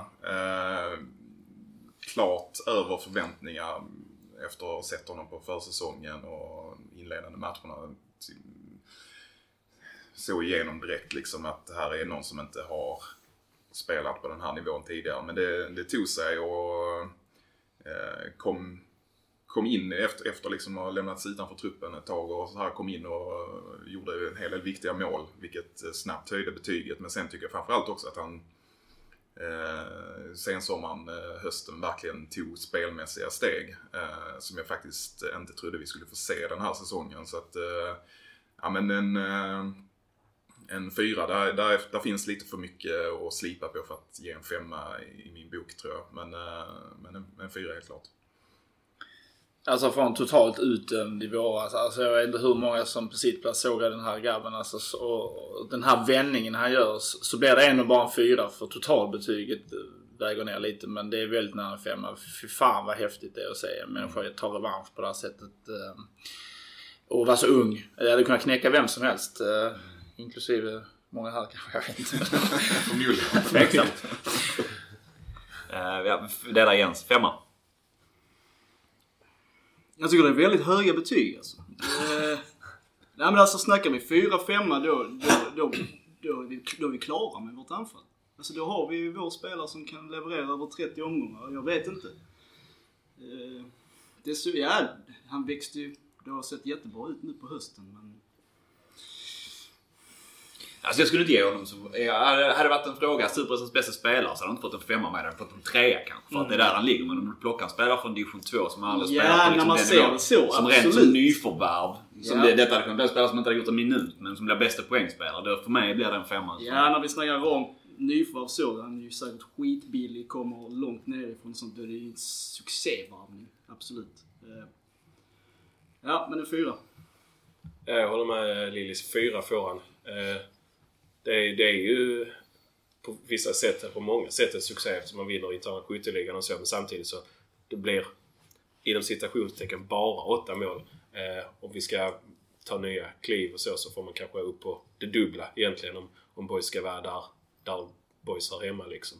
Så det krävs nog lite mer mål. Samtidigt så har han inte varit startman över 30 omgångar så jag säger inte att han ska göra si och så många mål. Men för mig, fyra, fyra poäng. Ja. Jag, jag ger också en femma. Och det, man, det man kan säga det är 22 matcher, 12 poäng. Det är otroligt bra. Eh, för, från att ha varit uträknad och säkert eh, liksom ett rätt så Eh, dåligt självförtroende och göra 12 poäng, 8 plus 4. Det, det är 5 i min bok. Men... Ja. Men eh, då landar vi i en, eh, en fyra i majoritet på, på Ussi. Det var alla nyförvärv om min, min skalle sitter rätt på. Ladan ska väl eh, utvärderas. Jo, Hellqvist hade vi först. Här först. Han vet han betyg här. Shit. Etta gav du. Nej. jag skrev upp fyra här. Sa jag fyra? jag skrev... Ja, ja, det blev fel. Jag trodde faktiskt det var eh, Dahlqvist som hade första men jag insåg... Jag gav bara en trea. Det vill jag korrigera och ge en fyra på Hedenqvist alla dagar i veckan. Då eh, ska vi gå vidare till att... Eh, Vi får kanske tacka av eh, Ja, Lillis Lillis för eh, ska, Nils behöver lämna. han ska baka pepparkakor. bra, eh, bra genomfört avsnitt eh, Lillis. Tack för medverkan. Trevligt. ha! Kämpa på! Kämpa! Och då går vi vidare till eh, årets, eh, årets match. Eh, tänker att vi behöver inte vara super eh, långrandiga. Randiga. Eh, bara vad man egentligen lägger in i det själv, årets upplevelse eller liksom årets match. Eh, för mig, Halmstad hemma, underläge i halvtid, trippelbyte, eh, relativt sent avgörande, dubbla mål. Lite så här Ussi kommer ikapp eh, där också. Eh, nickar väl in eh, inlägget från Rapp eh, till 1-1 eh, det, det symboliserar en del för mig. Plus att det liksom... Det, det ska gärna vara, vara någon typ av vändning och så i matchen också. Det, det, det går ju till. Så eh, det är årets match för mig. Håsan? Ja, men jag eh, tänkte på samma match. Eh, det var väl lite så här, det var många matcher där eh, under den perioden där det var mycket så här byten i halvlek och sånt där. Men den matchen var ju den som vi fick klart bäst utväxling på, på förändringarna i halvlek. Det var ju till och med många matcher där det var direkt dålig utväxling på när det var många byten samtidigt. Så att, eh, plus att det är liksom var starkt att, att, att slå Halmstad liksom. Så att eh, jag landar också i den. Mm. Anders? Eh, Jag håller med. Det var en speciell match på många sätt. Eh, Vända och sådär. Och fint väder var det och man var där med nära och kära och sådär som man kommer ihåg. Och eh, det var väldigt speciellt måste jag säga. Så att, eh, helt klart Halmstad hemma. Halmstad borta var också speciellt men det var, det var mer av en pungspark. Så att eh, vi, vi, vi Halmstad hemma. Ja. Nej men Halmstad borta var ju ehm, eh, så sjukt roligt för att vi var så jävla många. Nästan alla poddmedlemmar var där uppe och många sov över och annat också. Så liksom själva upplevelsemässigt och eh, så var ju det sjukt kul. Men det går inte att välja med tanke på att vi förlorade 90 plus 11 liksom. Eh, så för mig så blir det Örgryte hemma. Eh, 3-2 matchen som var liksom, eh, la grunden till den vändningen eh, någonstans ändå.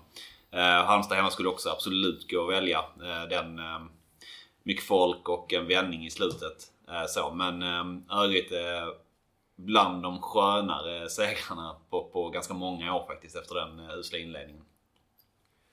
Jag tänker på... Eh, kanske lite märkvärdigt egentligen, men jag tänker på Brommapojkarna hemma. Tycker egentligen vi spelar allra bäst fotboll. Eh, Snöpligt nog så blir det bara en poäng i den matchen efter att de kvitterar i slutet på... Ja, från egentligen från ingenstans. Men spelmässigt tycker jag att den matchen var... Ja. Att Boys var väldigt, väldigt bra då. Ehm, och eh, spelade faktiskt bet- mycket bättre fotboll än vad BP gjorde. Och BP gick ju och vann serien så att det jäkligt starkt att slå dem liksom. Eller inte slå dem, men att spela bättre än dem. Ledde vi inte med... Jo, det var Tre- 3-1 tre- tre- jättelänge och ja, ja, det det var väldigt alltså. snöpligt. Men Boys visar åtminstone att de har en höjd som är ja, bäst i serien liksom. Och, det, och det, det, det tar jag väl med mig från den matchen. Alltså, om det var Bill, nej Max i den här intervjun som gjordes nu med att han eh, valde ut de här två också. Då Brommapojkarna också som Brage som var i, eh, i anknytning till den Mm. matchen också. Så hemmaplan som också var jävligt bra i. Alltså, rent spelmässigt var de kanske, men man inte får med sig då alla poängen. Men Nej. ja, håller med dig. Boys var faktiskt ganska bra borta mot Brage också. Jag tror vi fick Ja. med oss en poäng, fick en utvisning. Det, Eh, då, då hade det ju gått... De ledde efter fem minuter och sånt också. ja. Och då hade det gått troll under den perioden. Ja. Det var väl lite där vändningen började. Kamils första mål va? Ja, Var det, assist från Ussi eller Erik Persson? Djupledsboll va? Ussi. Riktigt fin assist. Eh, min, min, min röst faller ändå någonstans på Halmstad. och Jag tyckte du, du eh, sammanfattade jättebra Jens. Eh, så det behövs inte vidare utveckling. Halmstad hemma, årets match 2022. Sista segmentet. Eh, också lite mer individuellt kanske, men eh, årets snackis. Ja, det är väl kanske lite vad man själv tycker liksom har eh, satt eh, liksom tonen för säsongen. Vad man eh, lite grann drar med sig mest uppmärksamhet ifrån. Ehm, jag kan väl börja min, min årets snackis är inom situationstecken den förändrade tonen i, inom klubben. Kopplat till, eh, det här jag pratade om innan, Vilas eh, som gick ut och talade i media om att, eh, att han hade fått väldigt lite information och att man liksom inte får någon förklaring. Det började egentligen redan i vintras. Det var en del eh, gnissel i samband med att Hofsö och kanske även Ekvall och lite spelare till som liksom skulle lämna och det kanske var under lite, eh, lite, lite tråkiga former efter, efter lång och trogen tjänst. Att det kanske var lite, lite okänsligt och lite, lite opersonligt. Eh, så jag tycker att man har liksom hört lite, lite kommentarer, liksom lite, lite saker här och där som, där man förstår att det kanske det kanske har liksom, ja men smugit sig in en ny ton i klubben där det liksom ska att med liksom en ökad professionalitet så ska, också, ska det också komma en ökad syn, cynism eller hur man ska säga. Och det tycker jag inte nödvändigtvis är någonting som behöver liksom gå hand i hand utan eh, är man stor får man vara snäll. Det är liksom att, att vara snäll och behandla människor bra, det är, det är egentligen den lätta biten. Att driva en fotbollsförening är, är svårt. Att ta hand om sin personal borde vara lätt. Eh, och eh, det är väl liksom en del, en del folk som har fått lite, lite kritik eh, på olika håll och så. Ehm, lägger egentligen inte in liksom Edman i den femman där han liksom är för ny men även där liksom är det väl varit lite, lite kommentarer så här hit och dit som tyder på att, ehm, ja, att klubben drivs i en riktning som inte alla är jätte, jättebekväma med. Så att det är lite, det är faktiskt min årets snackis. Det är kanske det jag egentligen tar med mig från den här säsongen. Att I takt med att vi som klubb går in i en ny fas så verkar det också som att kanske den gamla fasen, liksom det gamla boys trillar bakåt och är inte kvar på samma sätt längre. Vi går till Gurra. Ja, nej, eh, superbra. Eh, det var samma snackis för mig. Eh, årets snackis för mig också. Och det- LRO också som alldeles nyss talade Ja, också. pre- precis. Ja, och, det, och det, det lämnar mig med en lite, jag vet inte, bitter smak i munnen efter säsongen. Eh, med tanke på, precis som du är inne på, kommunikationen och att eh, men verkar eh, gnissla lite. Eh, och att folk känner sig dåligt behandlade och att det når media inte bara en utan två gånger. Och det är inte den klubben jag vill förknippas med. Jag tycker att man har jag tycker att man har skött vissa saker alldeles för dåligt. Som påverkar mig och som gör mig irriterad. Eh, och, och känner att det här står inte jag bakom. Det är inte denna klubben jag vill förknippas med. Och därför så tycker jag att nu får man fan t- liksom tänka om här. Och, och, och liksom värdesätta de spelarna vi har haft i klubben under många år. Och, och välja hur man kommunicerar. Välja hur man eh, vill, vill låta utåt. Men såklart inåt också. I klubben. Så det tycker jag, det tycker jag faktiskt är, är eh, smäll på fingrarna. Fyra. Ja, min snackis får väl då bli att vi har gjort en stor omstrukturering i klubben med att vi nu har någon som bestämmer ovanför huvudet på, på huvudtränarna. Eh, så nu är det att vi har en sportchef istället. För att inte ha det. Eh, så det tycker jag väl... Eh, det är, det är centralt för, för klubbens väg framåt och jag, jag tycker att det var kanske bra och nödvändigt att posten tillsattes men vi får väl ge Erik lite tid på sin position innan vi kan eh, slakta honom för, för det liksom. Eh, Det har hänt i Boysland förr att det... ja, men eh, han ska ju naturligtvis få ett ordentligt transferfönster på sig innan vi kan bedöma honom på allvar tycker jag. Eh, och vid den här tidpunkten förra året hade Boys inte gjort några varvningar än så länge så att man ska nog sitta ner i båten lite grann och se vad som kommer in innan man blir för uppjagad och kritiserar Edman. Eh, så snackisen är väl att vi har eh, en annan, annan struktur i, i vår sportsliga ledning. LRO slaktar ju honom ganska väl i media och det finns ju precis, där finns ju en del av arbetet som sportchef och det är hur du värvar. Du betygsätter på det. Men där finns ju även en annan del där du betygsätter och värdesätts och det är hur du kommunicerar med dina befintliga spelare eh, och trupp. Sköna. Um, så att funderade lite grann vad det hade varit för snackisar och um, det känns lite linje boys senaste åren att det inte så jävla många snackisar nu ändå som det kanske har varit tidigare år. Um, vi snackade om Lardan så tänkte jag på hans prestationsvideo som blev väl en... den spreds väl lite grann ändå.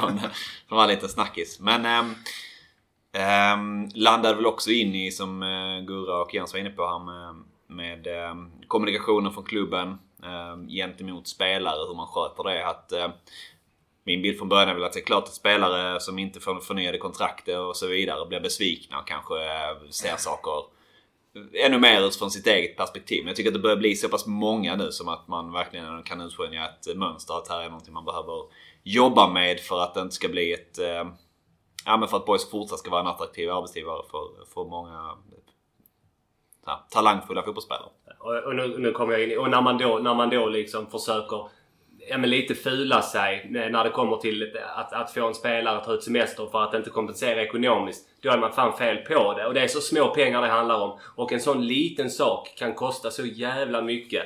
Ehm, så jag vill bara, vill bara lägga till det. Eh, ja, jag förstår verkligen vad ni menar och tycker också det är väldigt tråkigt med eh, dessa rubriker så att säga. Sen vet man ju inte heller, jag känner inte de här spelarna speciellt bra, hur de är som säger som ehm, att ha att göra med. Så att någonstans så är det ju lätt att man eh, givetvis tar spelarnas parti här och att det bara är klubbens fel. Men oavsett vad så vi vill ju liksom lämna spelare med så att de pratar gott om vår klubb och, och det gör de kanske. Men det är väldigt surt att få sådana här eh, uppkast i i pressen givetvis. Och eh, vem det ligger på eh, nu är Hedman men eh, Michel får väl ta yttersta ansvaret för att eh, på något sätt se ut som det gör. Men eh, snackisen här tycker jag ju är att vi på någon gång i framtiden ska få en ny arena vilket eh, jag har snackats lite om. Kanske inte så mycket för sen bara försvann snacket igen. Eh, vet nu blir det en ishall i alla fall.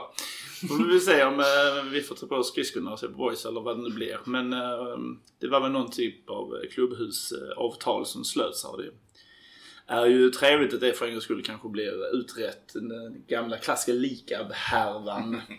Som nu kanske kan skjutas i sank. Så det är en snackis i min värld i alla fall. Det kommer en specialpodd om Likab. eh, Likab också.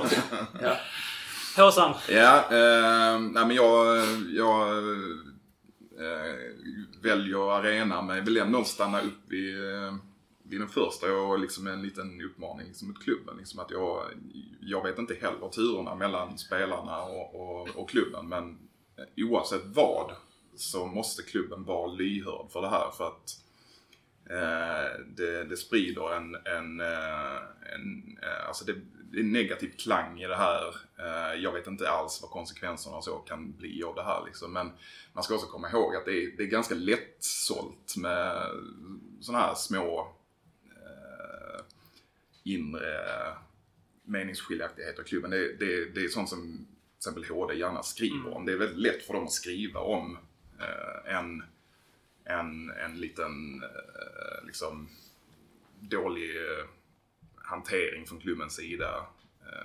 Och så här liksom. Och att, någonstans försöka förekomma det, att det faktiskt inte sker.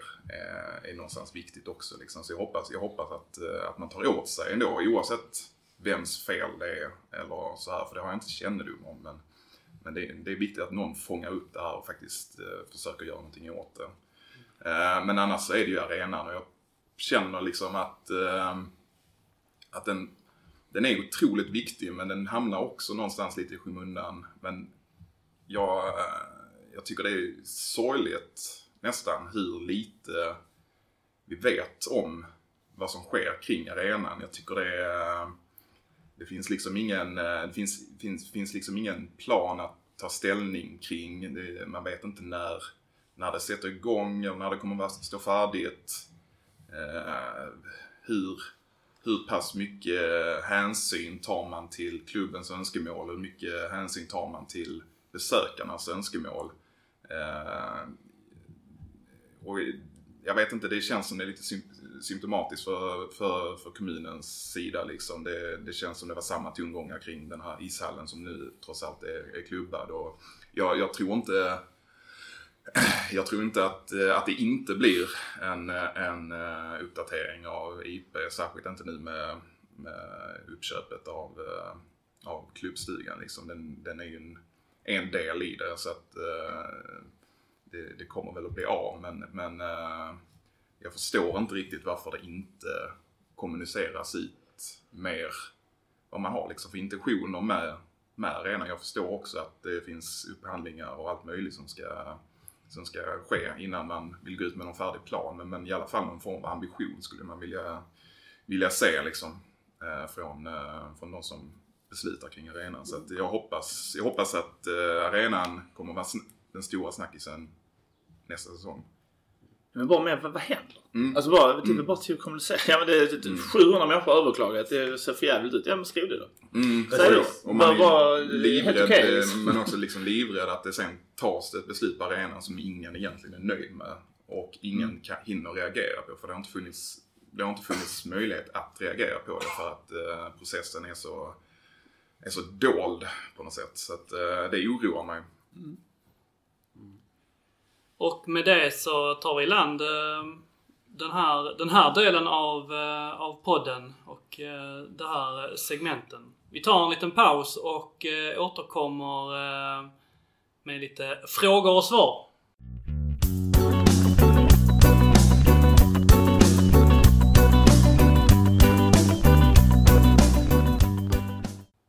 Yes, vidare till del två i den här säsongsavslutningen av Boyspodden 2022. Vi ska helt enkelt ta och eh, ja, besvara är kanske fel ord, men vi ska prata om eh, en del frågor och eh, annat eh, som vi har fått inskickat till oss på, på Twitter och, eh, och Facebook. Eh, och jag tänker att vi ska inte vara mera ceremoniella kanske än så här, utan vi ska bara köra. Eh, Så Simon Jumpstyle Kierkegaard har eh, skrivit frågan Försöker vi efterlikna BP med alla dessa juniorer för att vi ska till slut kunna gå upp måste det nog vara en blandning av ungt och rutin slash klass och bra spets.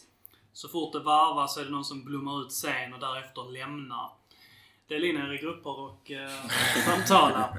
Ja, men vi har varit inne lite grann på det. Det är väl... Eh, han menar väl eh, i grund och botten liksom vilket segment ska vi egentligen eh, leta spelare i? Är vi liksom...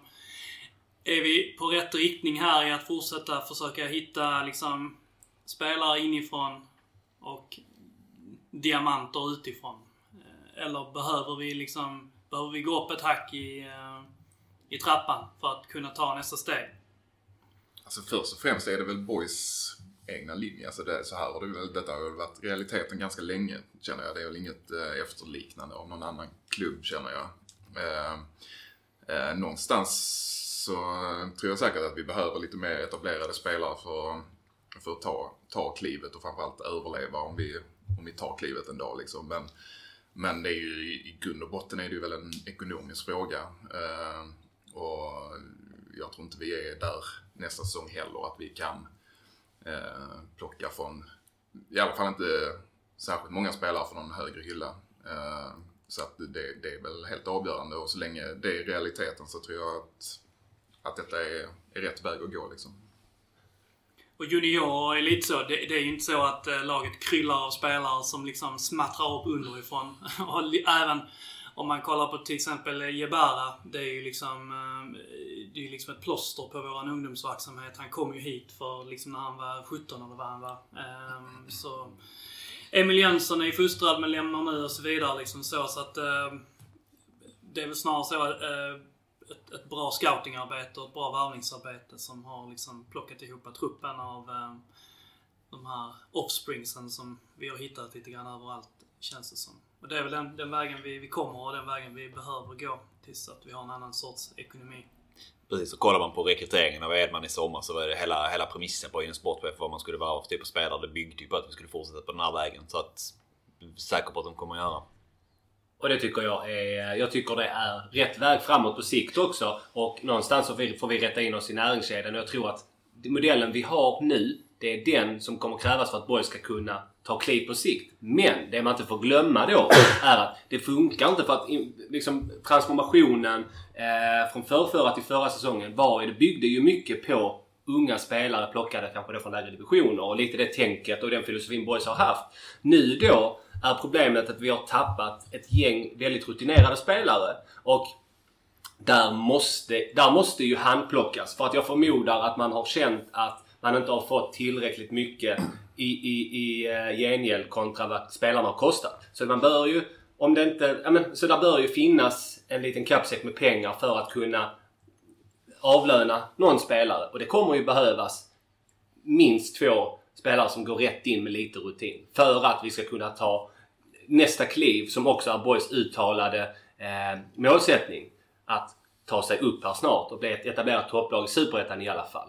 Men oavsett när du säger rutin så tänker jag att man kommer... Jag tror inte man kommer gå in och plocka någon som är 28 som spelat Superettan i, Nej. i 10 år liksom. Utan att det kommer vara någon som kanske gjort ett par säsonger på den nivån men ändå är fortfarande 22-23 kanske. Ja. Något i den stilen som räknas som rutinerad inom situationstecken ändå. Definitivt. Där det ändå finns en potential. Eh, Ja, kanske. Men om man tittar historiskt sett och tittar tillbaka när vi plockade tillbaka Daniel, plockade hem Daniel Nanskog till Boys liksom. Då var han väl 27-28 år någonting när han kom till klubben. Och, och, det, var, och det var också en, alltså en stor framgångsfaktor att göra på det viset. Att ta en etablerad, rutinerad spelare in och så få träff mer eller mindre direkt. Där är frågan om den typen av värvningar går att göra nu eh, 20, 20 plus 22 år senare. senare skulle ju- liksom, om de, de är liksom redan plockade av, av en eh, allsvensk klubb eller så. här. Det är absolut, det går säkert att göra dem men jag tror det är ännu svårare idag att göra den typen av värvningar. Eh, Man försökte väl med Erik Persson kan man säga. det var Absolut, egentligen ja, samma varv absolut. som Nanskog hade varit på dekis också Ja. ett par år innan han kom till Boys. Ja. Ehm, Det skulle ju vara en granat som är liksom i, i den kategorin eh, någonstans. Sen så ska man heller inte glömma bort att Boys har ju trots allt egenfostrade spelare i varje lagdel. Alltså som är startmän. Kadu i mål och Fille i backlinjen och Melker på mittfältet och Jebara i anfallet. Så Ja. vi har ju alltså det, vi har ju nått på ett sätt framgång med egna egenfostrade spelare. Det borde vi kanske då fortsätta med tänker jag. Ja. Definitivt. Vi eh, får säkert anledning till att återkomma inom varvningsstrategivärlden. Eh, Carl Nielsen, när ni ändå ska blicka tillbaka bör minst en kvart handla om Afududu. Bortglömd kultlirare som försvann alldeles för fort, pega och skada. Väl? Eh, Kanske en kvart är lite för mycket, men... Dra er bästa Afududu-historia. Alltså fan man... man man pratar om så här om man har eh, vissa känslominnen, man har vissa så här, tankeminnen från, från barndomen. Vissa saker bara sitter i en liksom. Man kan komma ihåg det precis. För då, då går ju någonstans in i det för mig. Jag var så pass liten när han rörde sig att jag har inte så många superklara minnen av honom som spelare. Um, och det var Rudy Boys som egentligen bäst har fångat upp vad han, vad han innebär och gjort honom till någon form av kultspelare med det här. Att han skulle gå i mittfältet och döda människor om det behövdes. Ehm, så det är väl mitt bästa minne av honom. Ja men som ålderman då så kommer jag givetvis ihåg eh, Afodo så otroligt mycket. Nej men eh, jag bara kommer ihåg hans minspel eh, när HIF tror jag kvitterade där i 6-2 matchen. När han var helt vansinnig. Det var fantastiskt roligt det måste jag säga. Jag vet inte vem man var vansinnig på men förmodligen Mats I. Svensson och sånt. Kommer inte ihåg. Men nej, jag vet inte. Alltså annars har han nästan så bara... Jag kommer, jag vet, kommer ihåg Bobo Bolla, kommer jag ihåg mer. Inte för att jag ska jämföra just de två men... det är säkert fel. Men, Nej, vi Ja, tänker spela som någon sån som faktiskt har... Nej men som ett liksom kultstatuskoncept eh, i min värld i alla fall. Så att... eh, Men han, han, han hoppade in i 6-2-matchen eller? Ja, jag eller tror, nej, han, jag tror det var antingen var det Henke eller så var det Thorwaldsson som inte kunde. Jag tror han var med ganska mycket av matchen i alla fall. Ja, men För man var inhoppare kanske, tidigt byte. Och han gjorde det jättebra. Ju- Och framförallt var han jävligt förbannad eh, stundtals. Och det, det uppskattar jag verkligen som åskådare. Förbannade spelare. Det, Och sen så, alltså, så verkade han ju i en tid när Boys som klubb må- mådde väldigt, väldigt bra. Så att det är ju också därifrån positiva minnen finns liksom. Att Boys under tiden när Afo var i klubben var väldigt, väldigt bra. Ja. många starka profiler liksom. Som blev det för att de var starka profiler men också för att de var i boys i, under den perioden. Liksom. Sen har han ju ett 5 plus-namn. Det kan vi inte komma ifrån. supercoolt. Sen så var det, det, det är ju liksom också någonting med att det var en annan tid. Ehm, det var liksom en, en... Du har redan varit inne på det spåret Anders, men det, det var ju en afrikan i, i Landskrona. Liksom, i Landskrona, vad är Landskrona Boys? I fotbollsvärlden så... I fotbollssverige så var det inte liksom någonting som, eh, som fanns överallt, utan... ehm, det, liksom, det fanns de här små, liksom, den stora världen satte ner sig liksom i de här små platserna i Sverige.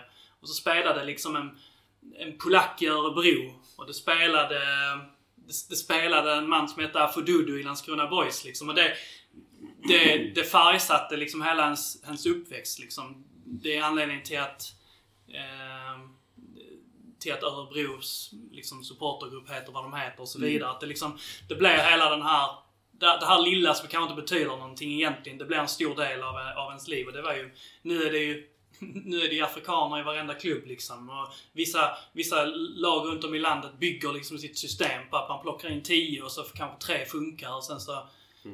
Det var en annan tid och det är väl, det är väl mycket det också. Men jag tror han gjorde en sjuk succé i Enköping året innan. Jag tror det var Enköpings Eskilsson han var mittback i en sånt. Och där hittade vi honom säsongen innan tror jag i, då, i Mm. dåvarande... Ja det var väl i Superettan hette det väl också. Eh, och så plockade vi upp honom därifrån. Jag tror nog, ja, jag vet inte om det var Janne som hittade honom, ingen aning. Men han gjorde en jävlig säsong tror jag i Enköping. Enköpingsspår, för där kom väl uh, Norell Ja, ja. också. Detta spår. Jag tror även att Ag- Agims bror eh, Baski det. spelade Bas- i eh, Enköping. Ja, Okej, vi har plockat mycket därifrån. Eh, Tobias Månsson skriver eh, Vilas kritik i HD-podden om att kultspelare som lämnat kan hänga samman med den låga publiksiffran i år. Generellt, varför är publiksiffran så låg? Att IP behöver renoveras kan inte vara hela svaret. Lite så här kanske skev eh, sammanflätning men... Eh, men, att kultspelare har lämnat, eh, att det ska hänga ihop med den låga publiksiffran. Så vi sätter betyg på frågan. jag, jag är inte säker på kopplingen men eh, publiksiffran är någonting som vi pratar om Ja. Mm. eh, i, stundom. Eh, det är ju dels liksom corona Coronaspåret, att eh, folk har inte hittat tillbaka till, till arenan. Jag, minns, jag vet inte ens säkert på var vi landade i år. Men det är väl, ja, precis, men det är väl det generella svaret liksom. Ja. Covid som gäller Sverige i stort. Men, men sen har vi haft väldigt många otacksamma matchtider plus att vi har haft en vädergud som har pissat på oss i princip i alla matcher vi har skulle liksom så hypa upp det så har det vräkt ner regn liksom.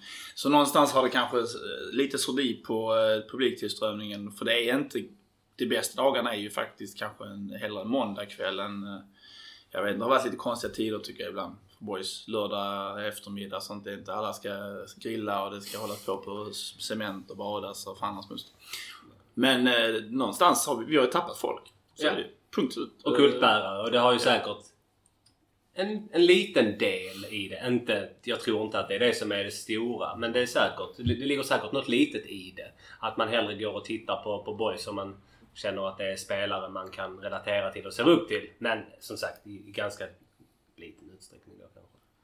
Skulle vi, skulle vi tappa spelare som Fille, då, då tror jag verkligen att det, det kommer påverka eh, i, större, i större grad. Kanske. Jag vet inte. Ja, och sen så fick vi ju en sportsligt sett katastrofal start på säsongen också. Så att folk kanske tyckte, ah, vad är detta för... Vad är detta liksom?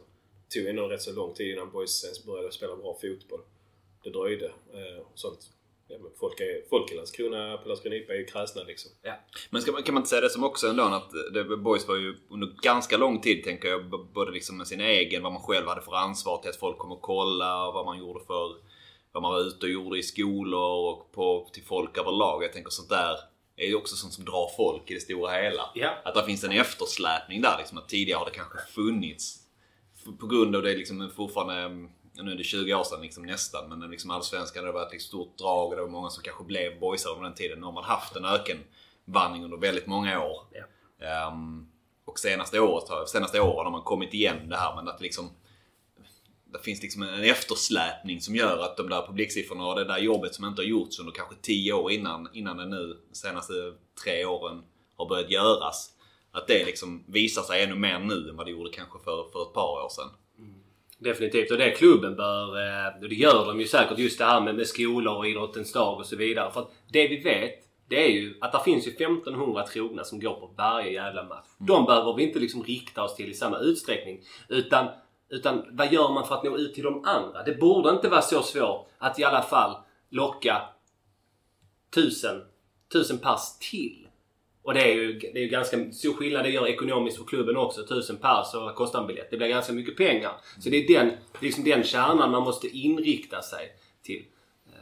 Men jag tror, jag tror det kommer. Jag tror det kommer att hänga ihop lite med att boys eh, nu även riktar sig till flickor och kvinnor. Liksom. Att med tiden så kommer det ge effekt att många unga flickor som ja, kommer också gå ut på idrottsplatsen och Ja. ja. de spelar i boys och sen på helgen eller på måndagskvällen så går de ut och tittar på boys. Alltså eh, herrlaget och eh, förhoppningsvis även på tid på, på damlaget i, i takt med att de också tar steg upp i systemet. Så att eh, Ja. ge det lite tid så, så kommer det nog tillbaka. Och just det här med att, eh, att flicksektionen har vaknat till liv och att eh, jag tror att det är, jag tror det är jätteviktigt eh, för att bibehålla och lyfta intresset.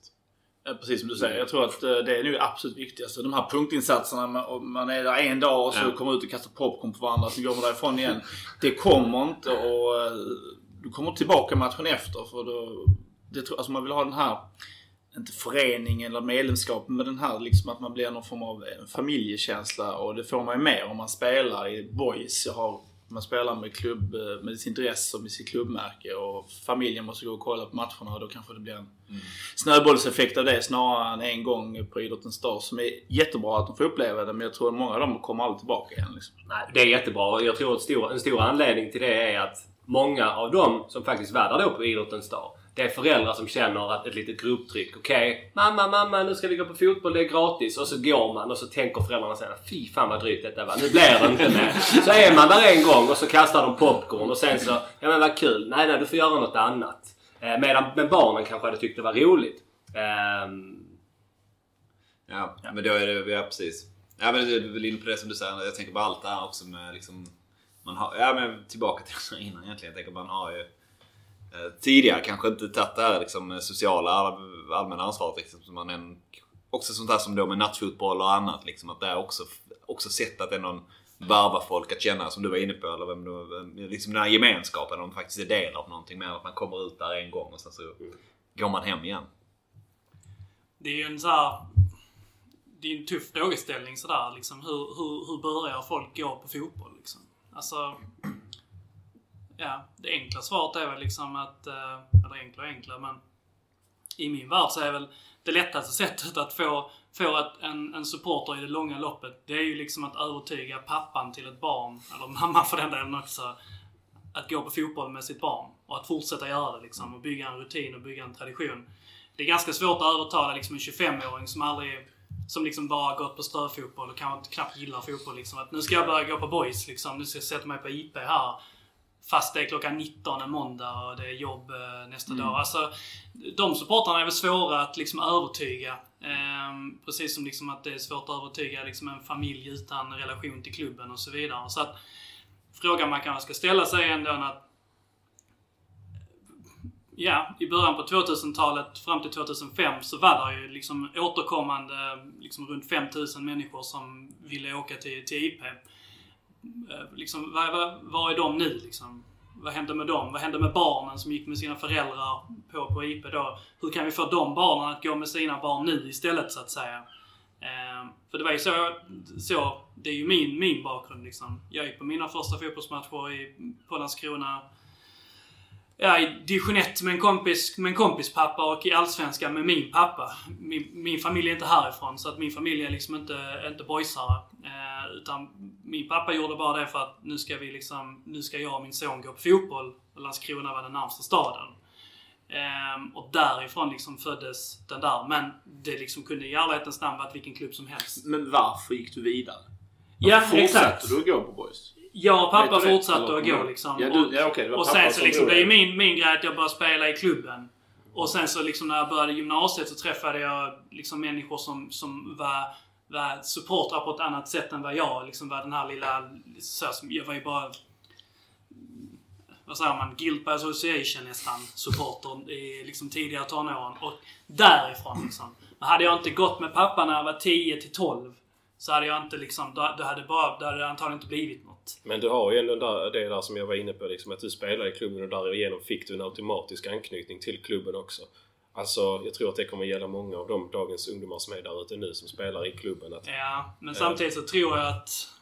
Ja, absolut. Men eh, liksom från 13 och uppåt så kan du bara... Du driver... Du, du bär en trupp på typ 18 man. Det är liksom 18 spelare 18-13-åringar, 18-14-åringar. Det, det är liksom för lite. Ja men det är bättre än inget och plus att de har kanske sina kompisar och sånt. Alltså det, folk drar ju folk liksom. I det långa loppet så tror jag att det är alltså ungdomarna man ska rikta sig mot och inte, inte de vuxna egentligen. Utan att, i alla fall för, för egen del när man, när man själv var liten. Det, ja, att man började gå ut på IP grundade sig i att man hade ett fotbollsintresse och det var väl den, perioden det hade varit ett fotbolls-VM och sen så började man gå ut alltså så som det är för många barn och unga liksom. Att det är fotbollen egentligen som är själva nyckeln liksom.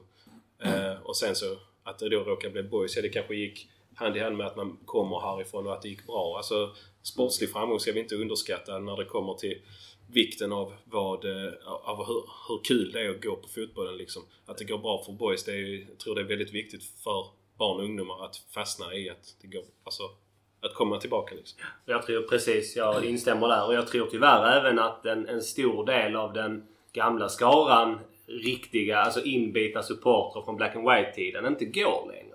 Eh, vilket är skitsynd. Jag har inte svaret på varför. Men jag vet att väldigt många av de som var framstående i Black and White och, och syntes mest på arenan för de är inte på Boys längre. Jag vet att de älskar Boys och jag vet att deras eh, hjärtan klappar för randigt lika mycket fortfarande. Men det där är någonting som, som gör att de inte går ut. Och man hade nog, dels hade man nog fångat upp många marginalsupportrar genom att bara gå upp i Allsvenskan.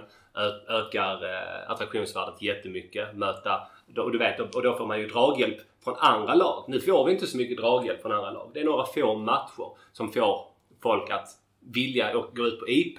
Om inte bara boys är incitament nog. Ehm, så det, det hade ju... eh, Ja.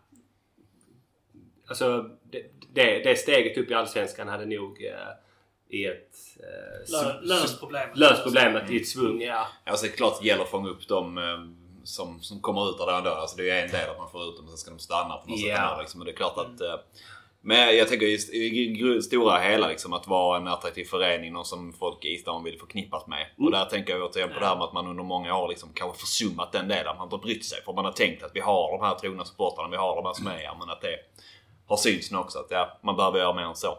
Där finns ju lite så här tillgänglighetsproblem också skulle jag säga. Att eh, det är många sådana här kanske-supportrar som eh, går på men som potentiellt sett kanske hade gått på hälften av matcherna på en säsong men som istället går på en, två eller ingen. Liksom, som det, förr i tiden var det liksom att lämna en 50-lapp eller en 100-lapp i, i luckan men idag är det liksom eh, för mig väldigt enkelt liksom gå in och boka en biljett. Liksom, nu har jag ju säsongskort men, men, det är ju, men för många är det ett, Eh, ett hinder. Alltså ofta säkert bara någon form av mentalt hinder liksom, för det är inte så svårt. Men, men att det är inte, det är inte lika enkelt att så här sista minuten bestämma sig och gå ut och eh, kolla på boys heller. Eh, så där, där finns, för de som, för de som väldigt lättvindigt kan välja att stanna hemma istället för att gå på boys så behöver man också vara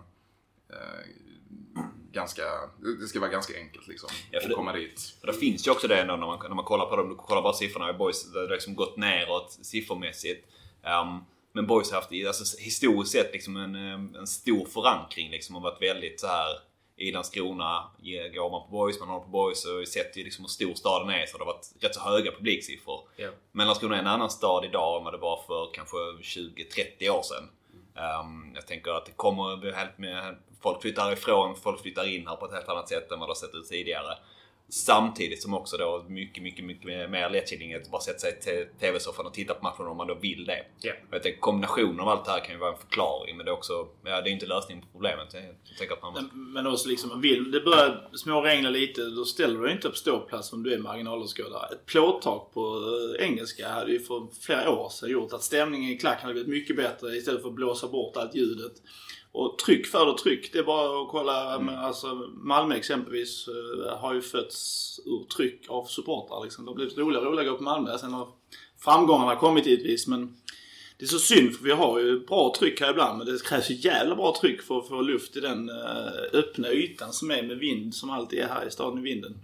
Jag, Synd. jag tänkte lite mer på det som du också var inne på Håsa med tillgänglighet. Jag tänkte på sån här grej som alltså parkeringssituationen. Det, är, det är inte särskilt enkelt att hitta parkeringsplats ute på IP. Är det då dåligt väder så vet folk att nej fan, får ställa sig extremt långt bort och så gå i det här pissvädret liksom. kollektivtrafiken är inte kanonytor heller. Nej, den har blivit sämre dessutom så eh, det är också en aspekt som måste lösas till eh, ja, den här ombyggnationen eller renoveringen eller vad det nu är som ska bli. Sen vet jag att det här pratas det om eh, liksom, i, i klubben. Liksom, hur, vad det är de försöker identifiera problemen och försöker göra någonting åt det. Sen, sen, eh, men det, är ju- nu har vi nämnt liksom 15 saker här. Liksom. Det, är, det är mycket som behöver göras på en gång men, men eh, tanken eh, är inne liksom på kansliet och, och så här. Vad, hur man ska göra det bättre för besökare. Eh, vi kan inte bara gå och vänta på en ny arena liksom, och den löser inte problematiken helt och hållet. Men, eh, men där, onekligen finns det jättemycket saker att testa. Liksom. Mm. Sen, sen så tror jag, och sen är, det ju också viktigt. Det kanske återigen är lite åt det konspiratoriska hållet att folk drar sig undan för att det har varit svarta rubriker i media. Men jag tror ändå att det kan påverka lite grann. Att, eh, och det, eller framförallt att det är viktigt att boys har ett jävligt gott sken och ett gott rykte. Eh, och att det är förknippat med något, något väldigt positivt. Sen är det klart, det kan vara tufft klimat i, i en elitsatsande fotbollsklubb. Men de delarna är nog ändå, ändå eh, viktiga och kan säkert påverka några. Att man känner att nej fan det där, det där känns inte riktigt bra i magen.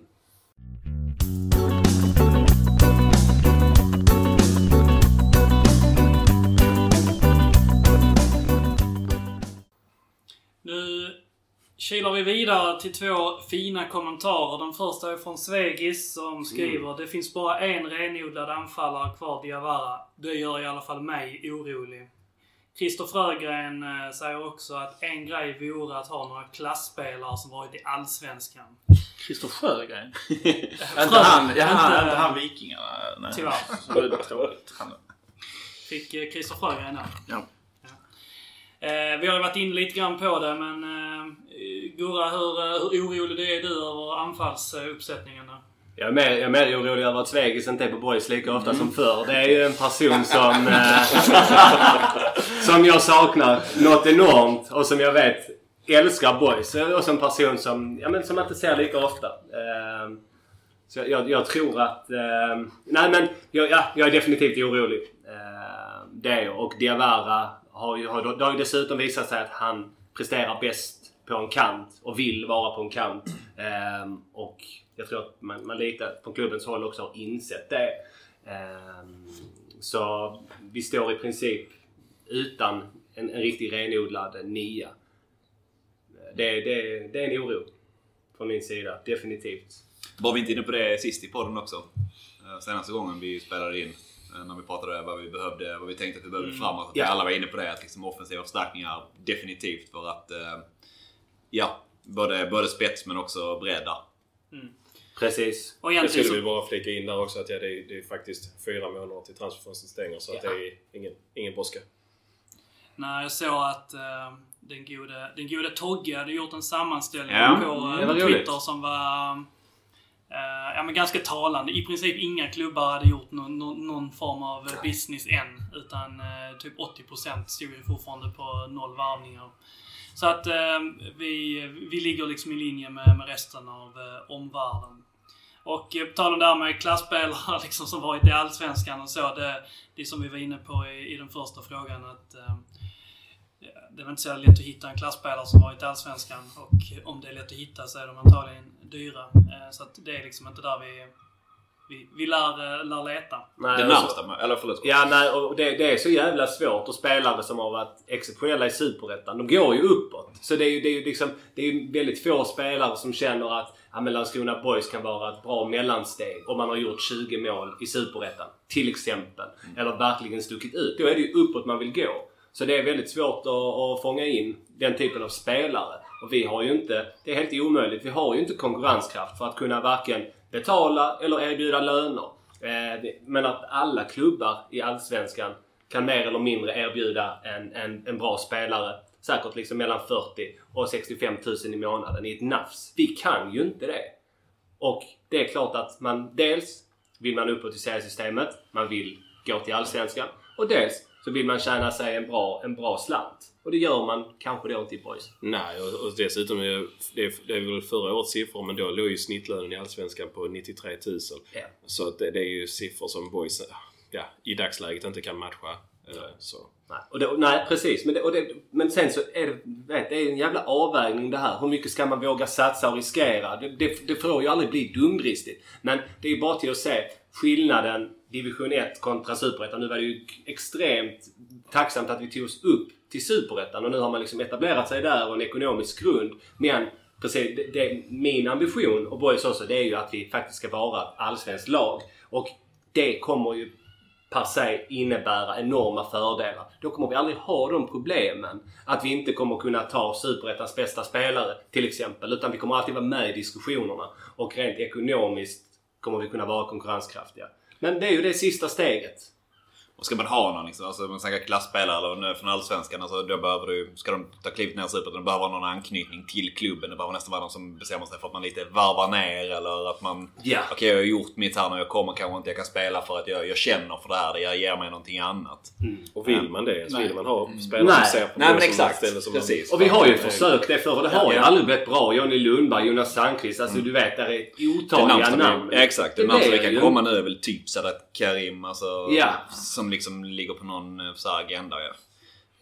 Och när man kollar på det i resten av Superettan så jag menar som Öster plockar han, heter han, Bergmark, Vi- Viberg eller vad han heter. Ja. Jävla bra är han liksom som Nej. kom från Djurgården. Alltså, men det är väl också det är den kategorin spelare man skulle ha då. Hur stor skillnad är det på dem kontra då någon som kommer underifrån eller någon som Nej, är alltså, på den nivån. då är ju LRO lika bra. Ja, ja. Mer Eller Erik. Persson, Ja. nästan. Ja.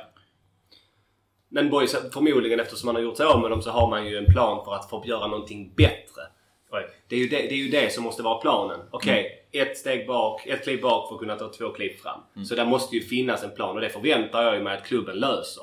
Det är att det kommer in en spelare som är bättre än både då Hoffa, LRO och Erik Persson. Annars har man ju misslyckats. Men det, det, den planen har de ju. Så fram till att liksom, motsatsen är bevisad så är jag trygg med att man kommer få in en spelare som levererar bättre än de som nu har försvunnit.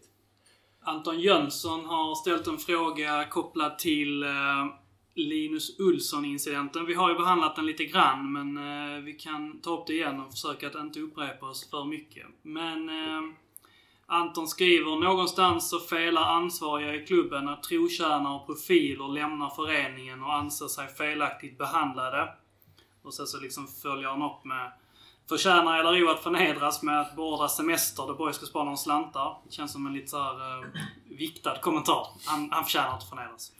Michel Ekbergs roll i det hela, kritiken mot Edman och Ekberg och var felar Billy och Max i sitt ledarskap eh, i detta? Och där, de tre sista kan vi väl eh, eh, landa i. Jag tänker, eh, Håsan, du, du var egentligen den enda som liksom tog upp Michels eh, namn i detta när vi pratade om detta i det förra segmentet här. Vad, vad, vad ser du liksom i Michels eh, roll som klubbchef eh, i, eh, liksom i de här harvorna, eller vad man ska säga, kopplat till, till spelarhanterandet? Nej, men alltså min känsla är väl bara att, att Edman är lite för grön i organisationen för att vara drivande i den här typen av ganska småaktiga frågor liksom. Eller så här, jag skulle ju...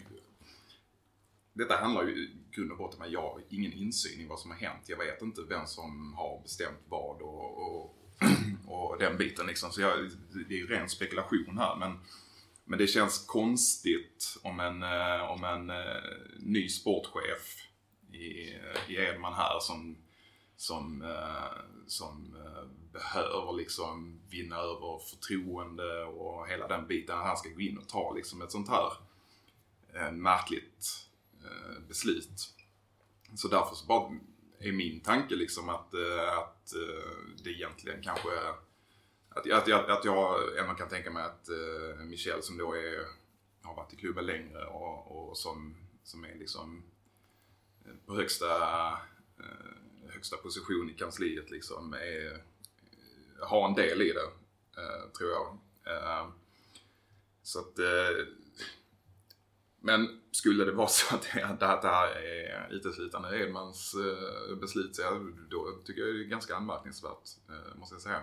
Sen just i det här fallet, jag, eh, jag tycker det är, det är mycket som jag tycker är lite konstigt och jag på sätt och vis kan jag förstå att klubben kanske inte går ut och kommenterar det så mycket men, men, men det kan, kan ju också vara ganska enkelt att de har inte haft koll på vad som egentligen gäller i frågan. Jag vet inte. Att det är liksom att eh, något sånt här ska vårdas med, med två månaders eh, framförhållning. Det, det kanske man inte har haft stenkoll på utan här har man bara sett en chans. Eh, och det, oavsett vad så tycker jag det är ganska löjligt och småaktigt att föreslå det för en spelare som, som varit i klubben länge, eh, som har varit viktig för, för klubben, liksom verkligen är en, en form av kulturbärare. Liksom, att, eh, att, ens, att ens föreslå det när, när det är ganska uppenbart att spelarna är ganska inställda på att träna eh, tills säsongen, träningssäsongen är helt över. Liksom. Eh, men eh, Ja men någonstans är jag just, blir förvånad om det bara liksom är Emans egna påhitt med tanke på att han är, att han är ny. här. Det känns väl också som att, nu är jag inte någon eh, organisatorisk expert på, på hur det där fungerar, men min, eh, min känsla är väl att klubbchefen på ett sätt har liksom det övergripande ansvaret för, liksom för föreningens eh, liksom överlevnad, eller hur man ska säga. Det är han som sätter ramarna som sportchefen jobbar under. På ett sätt så skulle jag väl säga att Michel är ju Eriks chef. Eh, om, man, om man skulle säga det på liksom ett, något form av flöde, eller hur man ska säga. Det vill säga att styrelsen ger, ger order om hur mycket pengar klubben har och Michel är sen den som fördelar ut det. Det vill säga att det är han som sitter liksom med, med den slutgiltiga budgeten. Och därmed känns det också rimligt att det är han som har sett att det finns en möjlighet att tjäna in 25 000 här på att, eh, på att inte betala ut lön utan bara betala ut de här för semesterpengarna istället. Liksom.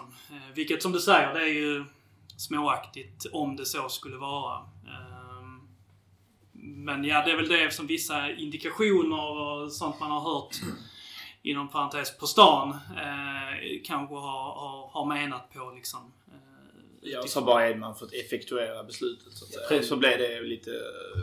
Att det har landat lite på honom också kanske. Jag tror- Han har ju bara sagt till. Nej men det är här, så Precis. här gäller liksom.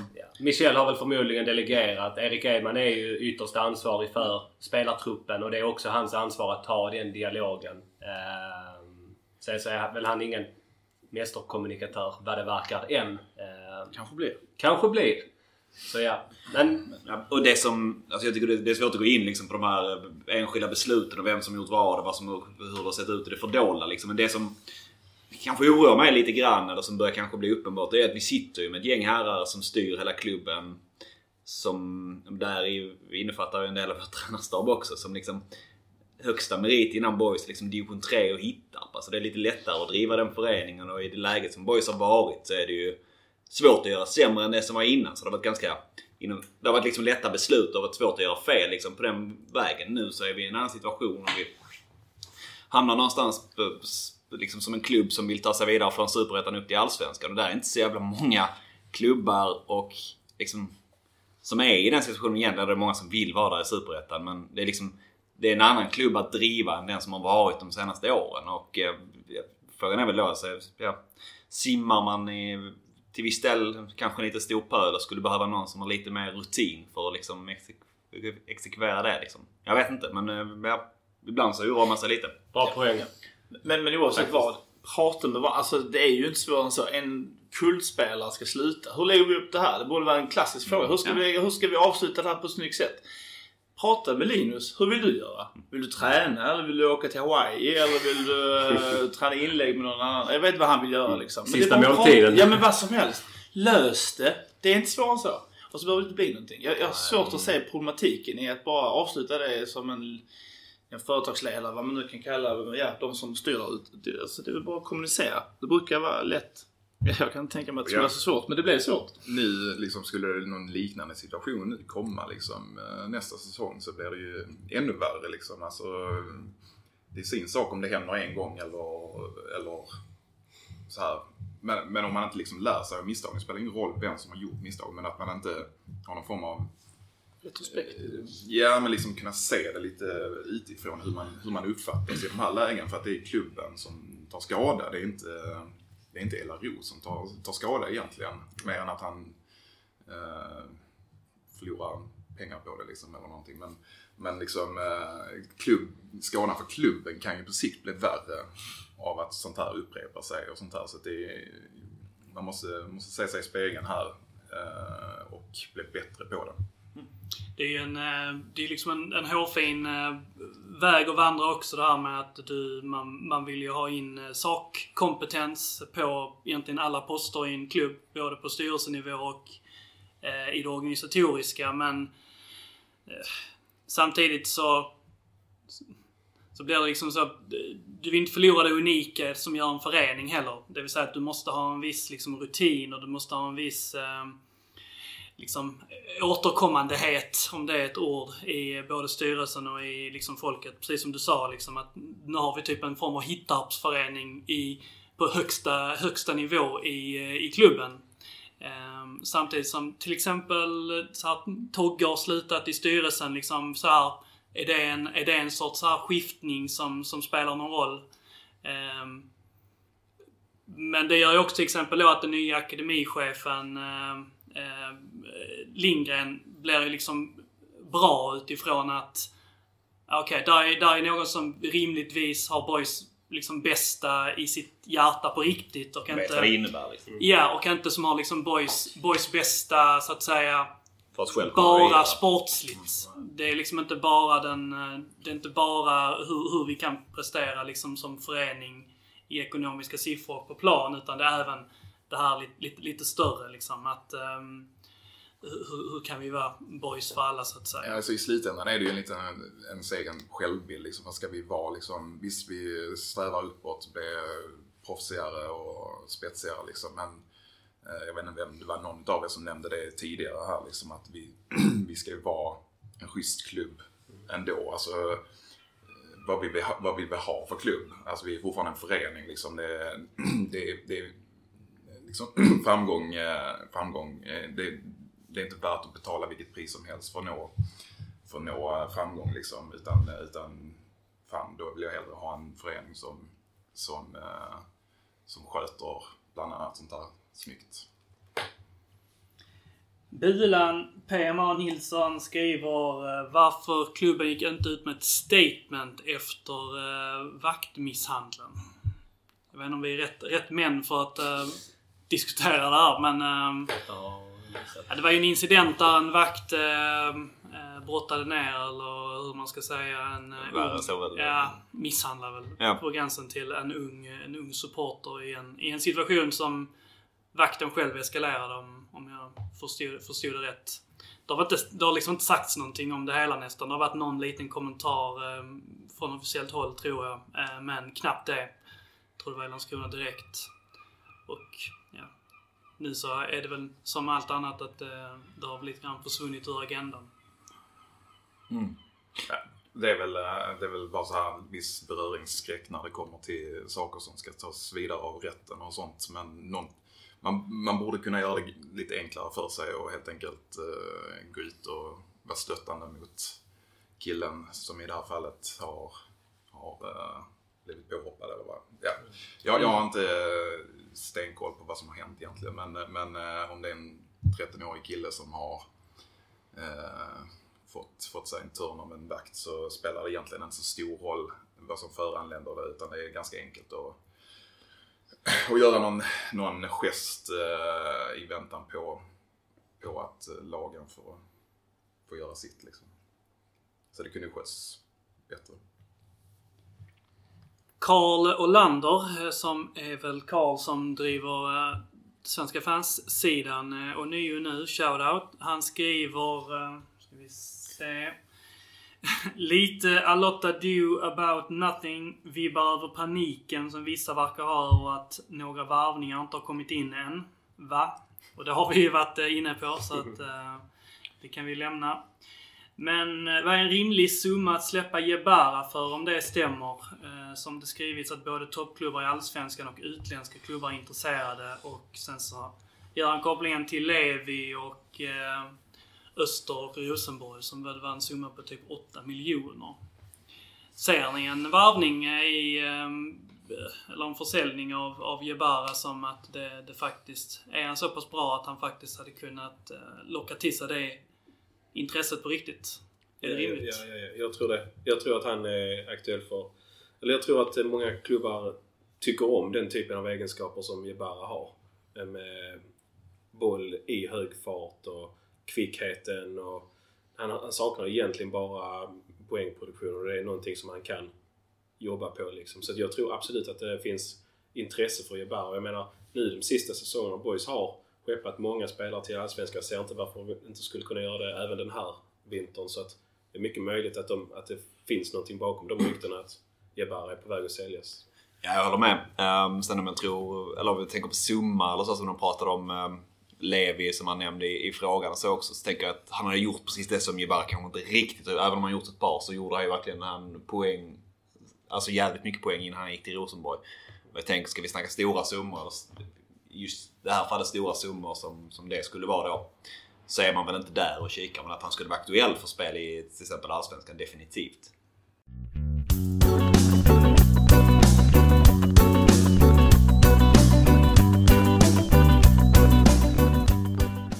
Daniel Lantz eh, skriver Vad var årets överraskning? Vad var årets kalldusch? Och är det några spelare i truppen som borde lånas ut inför nästa säsong och i så fall eh, var? Svåra frågor. Svåra. Årets överraskning. Är det någon som har ett, eh, ett, ett svar på rak arm här? Det är väl, eh, det är väl att vi har köpt ut eller avslutat så många kontrakterade spelares kontrakt. Det är ganska märkligt egentligen att det blivit så pass många. Blixt, Ladan, Jönsson, Egne, någon? eller uh, Linnér. Erik Ja. Linnér också. Erik hade väl ett är kontrakt visserligen. Nej, ja det är precis. Ja, det, Men stämmer. Det, det, stämmer. det, det är en överraskning Samma för mig att man mm. väljer att avsluta så många kontrakt i förtid. det är Det tycker jag är konstigt. Men, eh, Årets kalldusch. Säsongstarten kanske. Halmstad borta. Halmstad. och så- Alltså, Ah! Västerås i vanlig ordning också. och även Trelleborg borta när vi nära punkterar matchen anfallet innan och sen så... Men i alla fall, alltså Västerås, de, att Boys bara förlorar med typ 3-0 i matchen är helt, helt ofattbart. Skulle det blivit 7-8-0 till Västerås då? Även det är ett, det är ett spöke för oss nu. Ja, i alla fall där Och uppe. de har ju liksom också, det har också fått sån effekt på vårt eh, alltså, Ja, exakt. momentum. Liksom. Alltså, det har hela tiden liksom, eh, de har liksom satt stopp för positiva trender två år i rad tror jag. Och så, och så har vi liksom haft en, en period där det har blivit motigt eh, efter vi har mött dem. Så att, eh, men, eh, men om det är den största kallduschen vet jag inte. Men, eh, men eh, de är lite av ett spöke för det. Spelare på utlåningsgränsen då. Vi saknar lite grann påläggskalvar, delvis så. Där är ju... Det är väl Smajic och eh, Ondrejka då. Jag såg att båda två var uttagna till eh, pojklandslaget. Eh, så det är väl om man skulle liksom... Sam Häggdahl. Häggdahl Högdal också. Mm. Om man skulle bedöma att det finns liksom mer att vinna i deras utveckling att eh, låna ut dem eh, till ettan eller Mm. tvåan till och med kanske. Eh, ja, kanske inte tvåan. Men eh, det är väl liksom där. Det har varit intressant. En sån som Smajic. Vad kan han göra om man faktiskt får eh, liksom spela i, eh, i ettan en säsong istället för spela några u matcher med boys liksom som ingen egentligen bryr sig om hur de slutar. Nej, exakt. Och det, menar, det säger inte alltid, men tänk han ändå när, på alla de bilderna från landslaget. Han är kapten i det Ja. landslaget han spelar i också tänker jag. Så det måste ändå säga någonting om att han har, eh, att han har goda kvaliteter. Eller han långt fram fysiskt också, vilket spelar roll såklart i den, i den åldern. Ehm, att man, eh, när man möter jämnåriga så kanske det ser bättre ut än när man möter folk som är också lika stora som honom eller större än honom. Att det kanske, men det skulle vara en sån som skulle kunna kanske gå på ett utlån. Vem vet, men då som Olympic eller um, Ariana. Något sånt i Malmö han som då. kom hem från eh, Italien? Uh, han hade väl- Alex Ja just det, Alex Brandt ja. Är inte det sån, sån Drog inte han korsbandet eller? Jo, Nej, det var knäskålen. eh, Knäskål. ja, okej. Som Jävla var samma som han redan gjort också. Jaha, okej. ja, då... Men det var väl i somras typ, alltså Ja. direkt när han kom hem, eller som gjorde att han kom hem. Så bör väl vara kanske lite fit för en försäsong i alla fall. Mm. Men skulle väl kunna vara ett sånt namn också. Alltså. Kanske Bologna igen då, eller? Verona. Och sen kan det ju också vara lite kopplat till vilka nyförvärv som kommer in. Ja. Liksom. Om, Ja. man ser på, om man ser på truppen att man säger att ah, men du, du kommer inte få så mycket speltid i år. Eh, Då kanske vi får flytta på det. Men som sagt, det, det får man ju se sen när truppen börjar bli färdig. Liksom. Vad heter ehm, tredje målvakten. Ja, Pauli. Pauli, ja precis. Ja. Ja. han lär väl gå på lån. Ja, så jag Svante- tillväxt igen tänker jag. I och med att Ja, verkligen. förlängde. 261 Kulan skriver på Twitter. eh, Vilken kravbild ska man ställa på Boys 2023? Matcher man ser fram emot 2023? Ehm, kan vi börja där? Dyker upp några till. Ja, men kravbilden, vi- det har vi inte pratat så jättemycket om. Vad, vad har vi egentligen för ja, men kravförväntningar på, på säsongen? Nu har vi blivit sexa och femma två år, eller hur? Sexa, sexa. båda. Sexa, sexa. Samma poäng. Ja men allt annat än uh, en uppflyttningsstrid. Det vore ju nästan dåligt att inte ha som kravbild. Vi kan ju inte ha kravbilden att vi ska bli sämre i år. Det verkar ju så dumt. Utan vi måste bli bättre och då är väl eh, sannolikt att nosa på och gå upp. Jag tror, eh, jag tror att vi får nog vänta med det lite och se beroende på hur, hur Edman får ihop pusslet. För i nuläget så har ju laget blivit mycket sämre. Eh, Det kan ju bli så att man varvar ihop väldigt bra sp- spelare till. Men eh, just idag så tror jag att dels kopplat till att alltså försvunnit skickliga spelare från A-laget och att vi ska spela i en serie som förmodligen är betydligt bättre nästa säsong än vad den var den här säsongen. Ehm, så tror jag att eh, Boys måste nog förstärka ganska rejält om man ska ha med absolut topp Det är ju fler drakar i, i Superettan nästa säsong. Och eh, det har, jag har ju lite säkert också med vad liksom årets ekonomiska resultat eh, landar i. Eh, ser väl ut att bli runt ett nollresultat. Så att jag menar, eh, utrymmet lär väl vara ett liknande som det var inför den här säsongen. Eh, så att jag, jag, jag håller med liksom att liksom, vi kan inte lägga ribban lägre. Men, eh, men samtidigt så spontant liksom eh, känner jag liksom skynda långsamt är ju tråkigt men kanske ändå det rätta för boys ändå. Eh, så att viktigast är väl att se någon form av utveckling. Sen exakt var, var utvecklingen sker. Minimikravet måste vara att det inte går åt fel håll sportsligt liksom. Men, men skillnaden är väl ändå att vi har ju inte tappat startspelare. Jag kan inte, alltså visst vi har tappat statistiska poäng.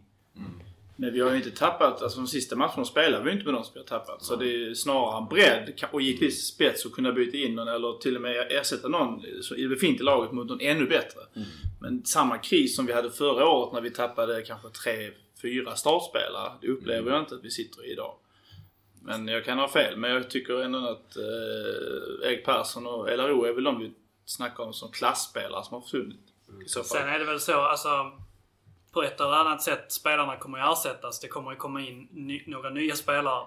Problemet, eller problem, problem är ju att vi kommer inte ha en aning vad fan de går för liksom. Nej, Utan så. det kommer komma in någon från Sollentuna liksom och så har vi ingen aning om, eh, om vad det betyder för oss. Men, eh, men vad så. Och det var ju lite grann så det, det, det såg ut inför den här säsongen. Liksom. Det var ingen av oss som hade någon detaljkunskap på liksom Egnell och Linnér och Sabic. Vissa namn, vissa namn hade man hört, vissa namn hade man inte ens hört. Eh, Det lär ju se likadant, likadant ut. Och som du säger, det viktigaste trots allt är att liksom den, den stummen som avslutar säsongen starkt eh, kommer ju liksom eh, mer eller mindre att vara, vara bidragande i starten av nästa säsong också. Det enda jag- Minus eh, försäljningar. Det enda, precis. Och det är det jag vill egentligen flika Ja. in med. För att det, det, vi, har, vi har ju någon form av grund, men vi behöver ju vi behöver spets. Och jag tycker att en rimlig målbild ska vara topp tre i alla fall. Men det man inte får glömma är att det finns ju en risk att vi faktiskt kanske tappar både Uttu och Jebara. Så då är det vi ska fylla på med, vi ska liksom ersätta Erik Persson och LRO och så vidare eh, med kvalitet samtidigt som vi kanske tappar en eller två nyckelspelare. Och helt plötsligt så är det ett jävla pussel att lägga. Och då går det inte med, med eh, spelare ifrån- från, från lägre divisioner. För då är, liksom, då, då, då är det för mycket kvalitet och rutin som bara är borta och då kommer vi inte orka i Superettan. Mm. Sen är ju eh, Kulan själv, det är det jag sett av honom på Twitter. Han vill, han vill gärna uppåt och det ska gå snabbt. Har honom. Um, Han har redan glömt han kommer nog inte gilla de här svaren överhuvudtaget.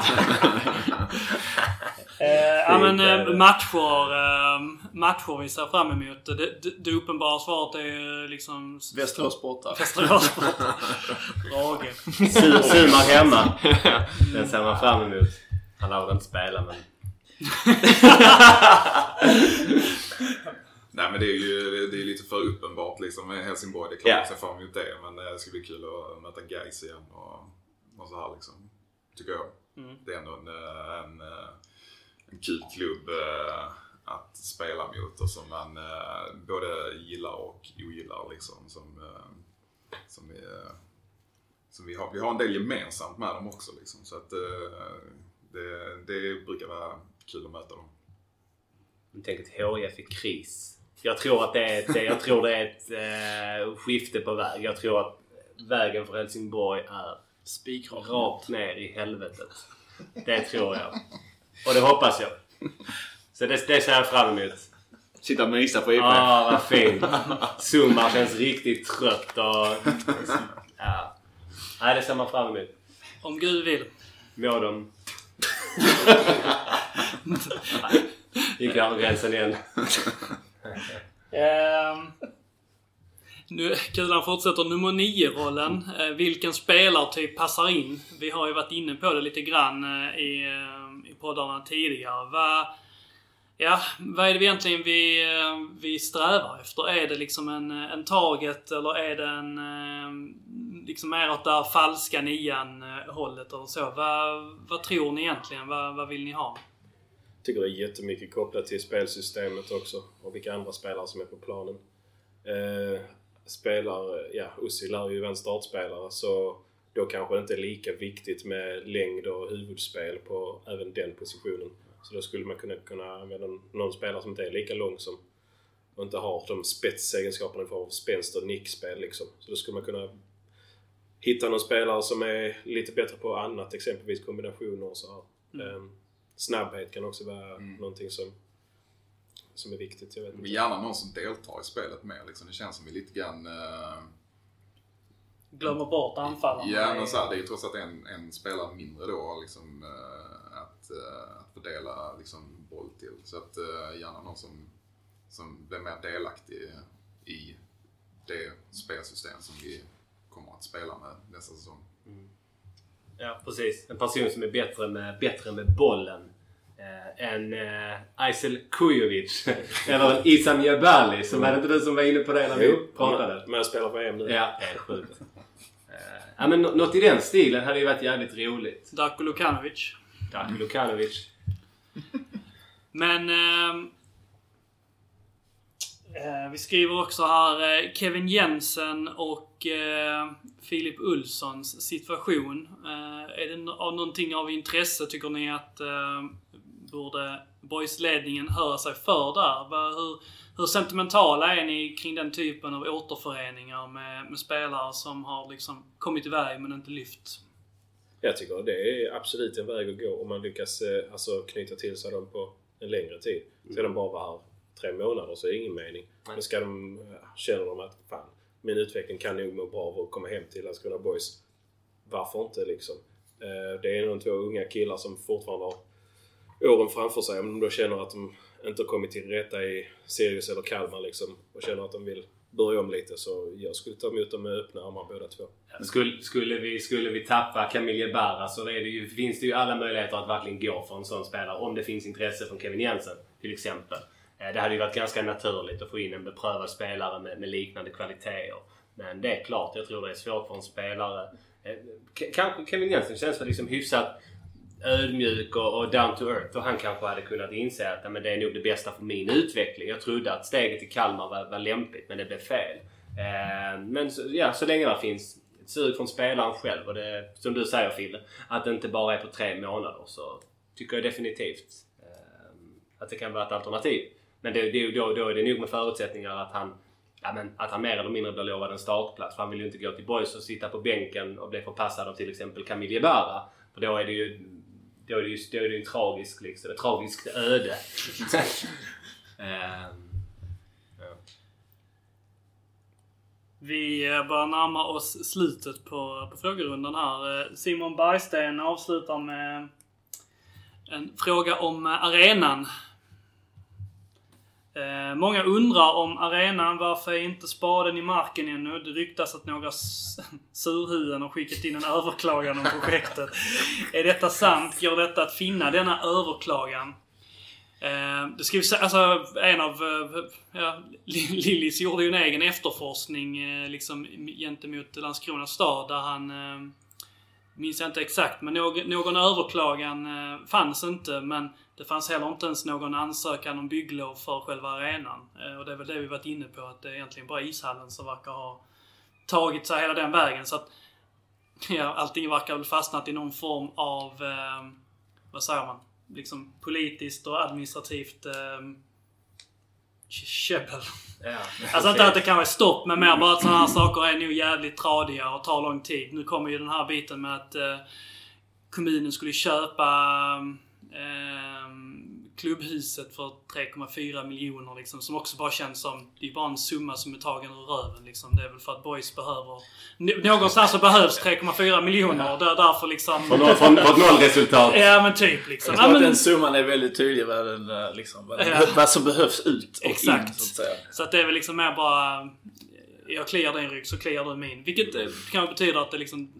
Det är väl i allas intresse, både boys och i kommunen. Så att någon, någon gång händer detta men... eh, Precis, och klubben gick väl ut då med en upphandlingsförfrågan som då Peab vann när det kommer till ishallen om jag har förstått det rätt. Och jag vet inte, jag vet inte om, om, man har, om de, liksom, hur långt gångna man är med, med, det, eh, med de trådarna när det kommer till arenan. Och precis som ni säger med bygglov och en överklagan. Det, det förskjuter ju hela projektet liksom 12 månader framåt kanske.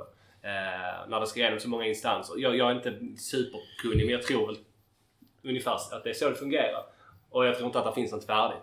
Utan det är nog snarare, vad jag, har, vad jag har hört, så är det väl snarare att man kommer sätta spaden i, i eh, marken 2024. Ja, ut... Ska inte hänga ut mig, men... Och är det- sen, sen är det också det att det här, det här går ju väl kanske till viss del trots allt enligt plan. För, s- Från politi politiken, politikens sida så var det hela tiden tanken och prio var först och främst eh, ishallen. Och sen skulle väl idrottshallen kanske eventuellt i kombination med badhuset. Alltså eh, eftersom det hänger ihop lite grann. Idrottsplatsen menar du? Ja, idrottsplatsen och eh, badhuset de är ju alltså samman, sammanlänkade. Så att, och ett badhus måste vi ha i Landskrona. Alltså invånarna måste kunna simma liksom. Eh, eh, det är ju, det är ju trots allt... Vallgraven! Ja, i vallgraven och träna. Starka ord här nu i slutet på Än så podden. länge så hänvisar vi er till... Nej men, eh, men, men, men alltså jag tror... Det Jag är den ankdammen också där vid kolonierna. Sankt Olof. nej, men jag tror att, jag tror att Det finns gott om vattendrag i kommunen. Jag tror att politiker som inte kanske är fotbollsintresserade kanske inte har lika stor brådska med idrottsplatsen som kanske många supportrar eller så här har. Liksom, jag, jag tror att simhallen och ishall kanske då ligger före i tidsschemat. Liksom. Och det är ju det är fine men man Ja. skulle ju önska lite mer eh, lite, Ja. eh, lite mer info de som vet. Ja. Förmodligen är det också osäkerhetsmoment med räntor och eh, finansieringar och byggkostnader och annat som har skjutit i höjden kanske. Så blir man lite, drar man röven åt sig för att eh, det kan eh, bli dåligt, dåligt av den anledningen så att pengarna kan explodera. Men eh, vi får väl se vart det landar. Ja. Intressant. vunnit? Känner jag. Och med de orden. Vi har, vi har en fråga kvar men jag tar ett business decision att eh, vi, vi pausar den frågan för att den är, lite för, den är lite för stor och lite för bra för att ta just nu. Det handlar lite för mycket om eh, integration och eh, supporterskap och, eh, och så vidare. Så att jag tror att vi får ägna lite mer tid åt den frågan en annan dag. Kanske med, med frågans eh, huvudman eh, också för den delen. Men jag har ställt den. Det är man ju... Ja men Ble det är inget.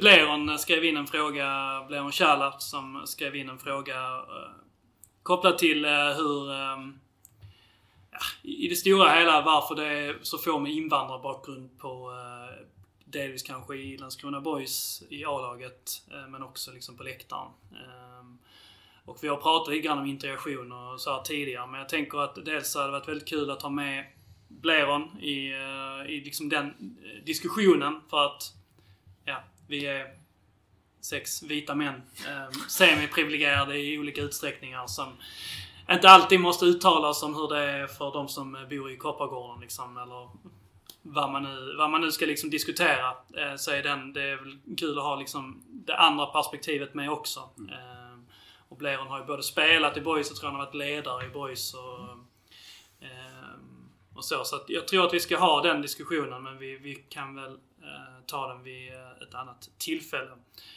Och just nu så tänker jag egentligen bara att vi ska knyta ihop den här säsongssummeringssäcken och eh, säga tack till er för, eh, för den här eh, säsongen. Det har, eh, det har fan varit kul. Mm. Vi ska inte utse årets poddare. Vem, vem, vem har varit bäst egentligen? Det, det får våra lyssnare göra tänker jag. De får dra ihop en poll. Och Jens, du kan skapa det på Twitter. Folk får rösta. Målargrenen löser det. Tänk om, eh, tänk om Lillis vinner den alltså. Fy fan. Årets komet. Fy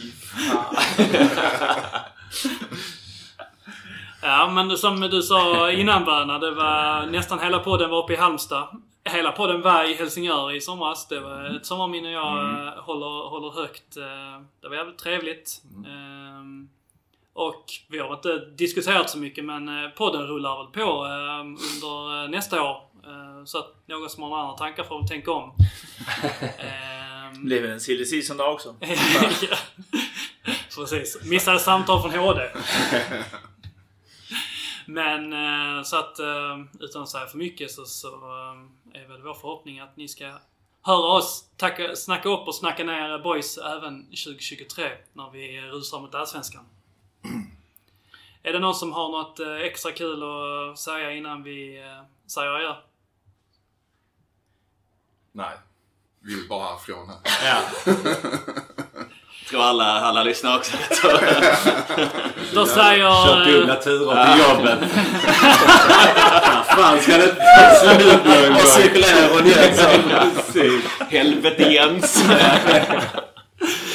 Då säger vi eh, God Jul och Heja Boys! Heja boys.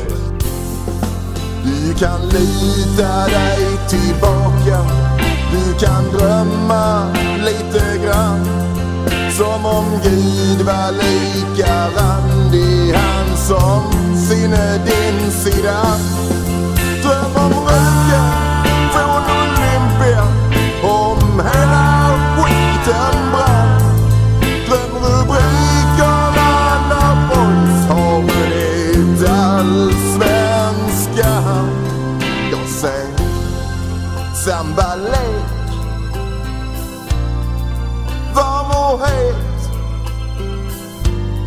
Jag ser grym överlägsenhet Ja, du ser väl det själv Vilket underbart lag.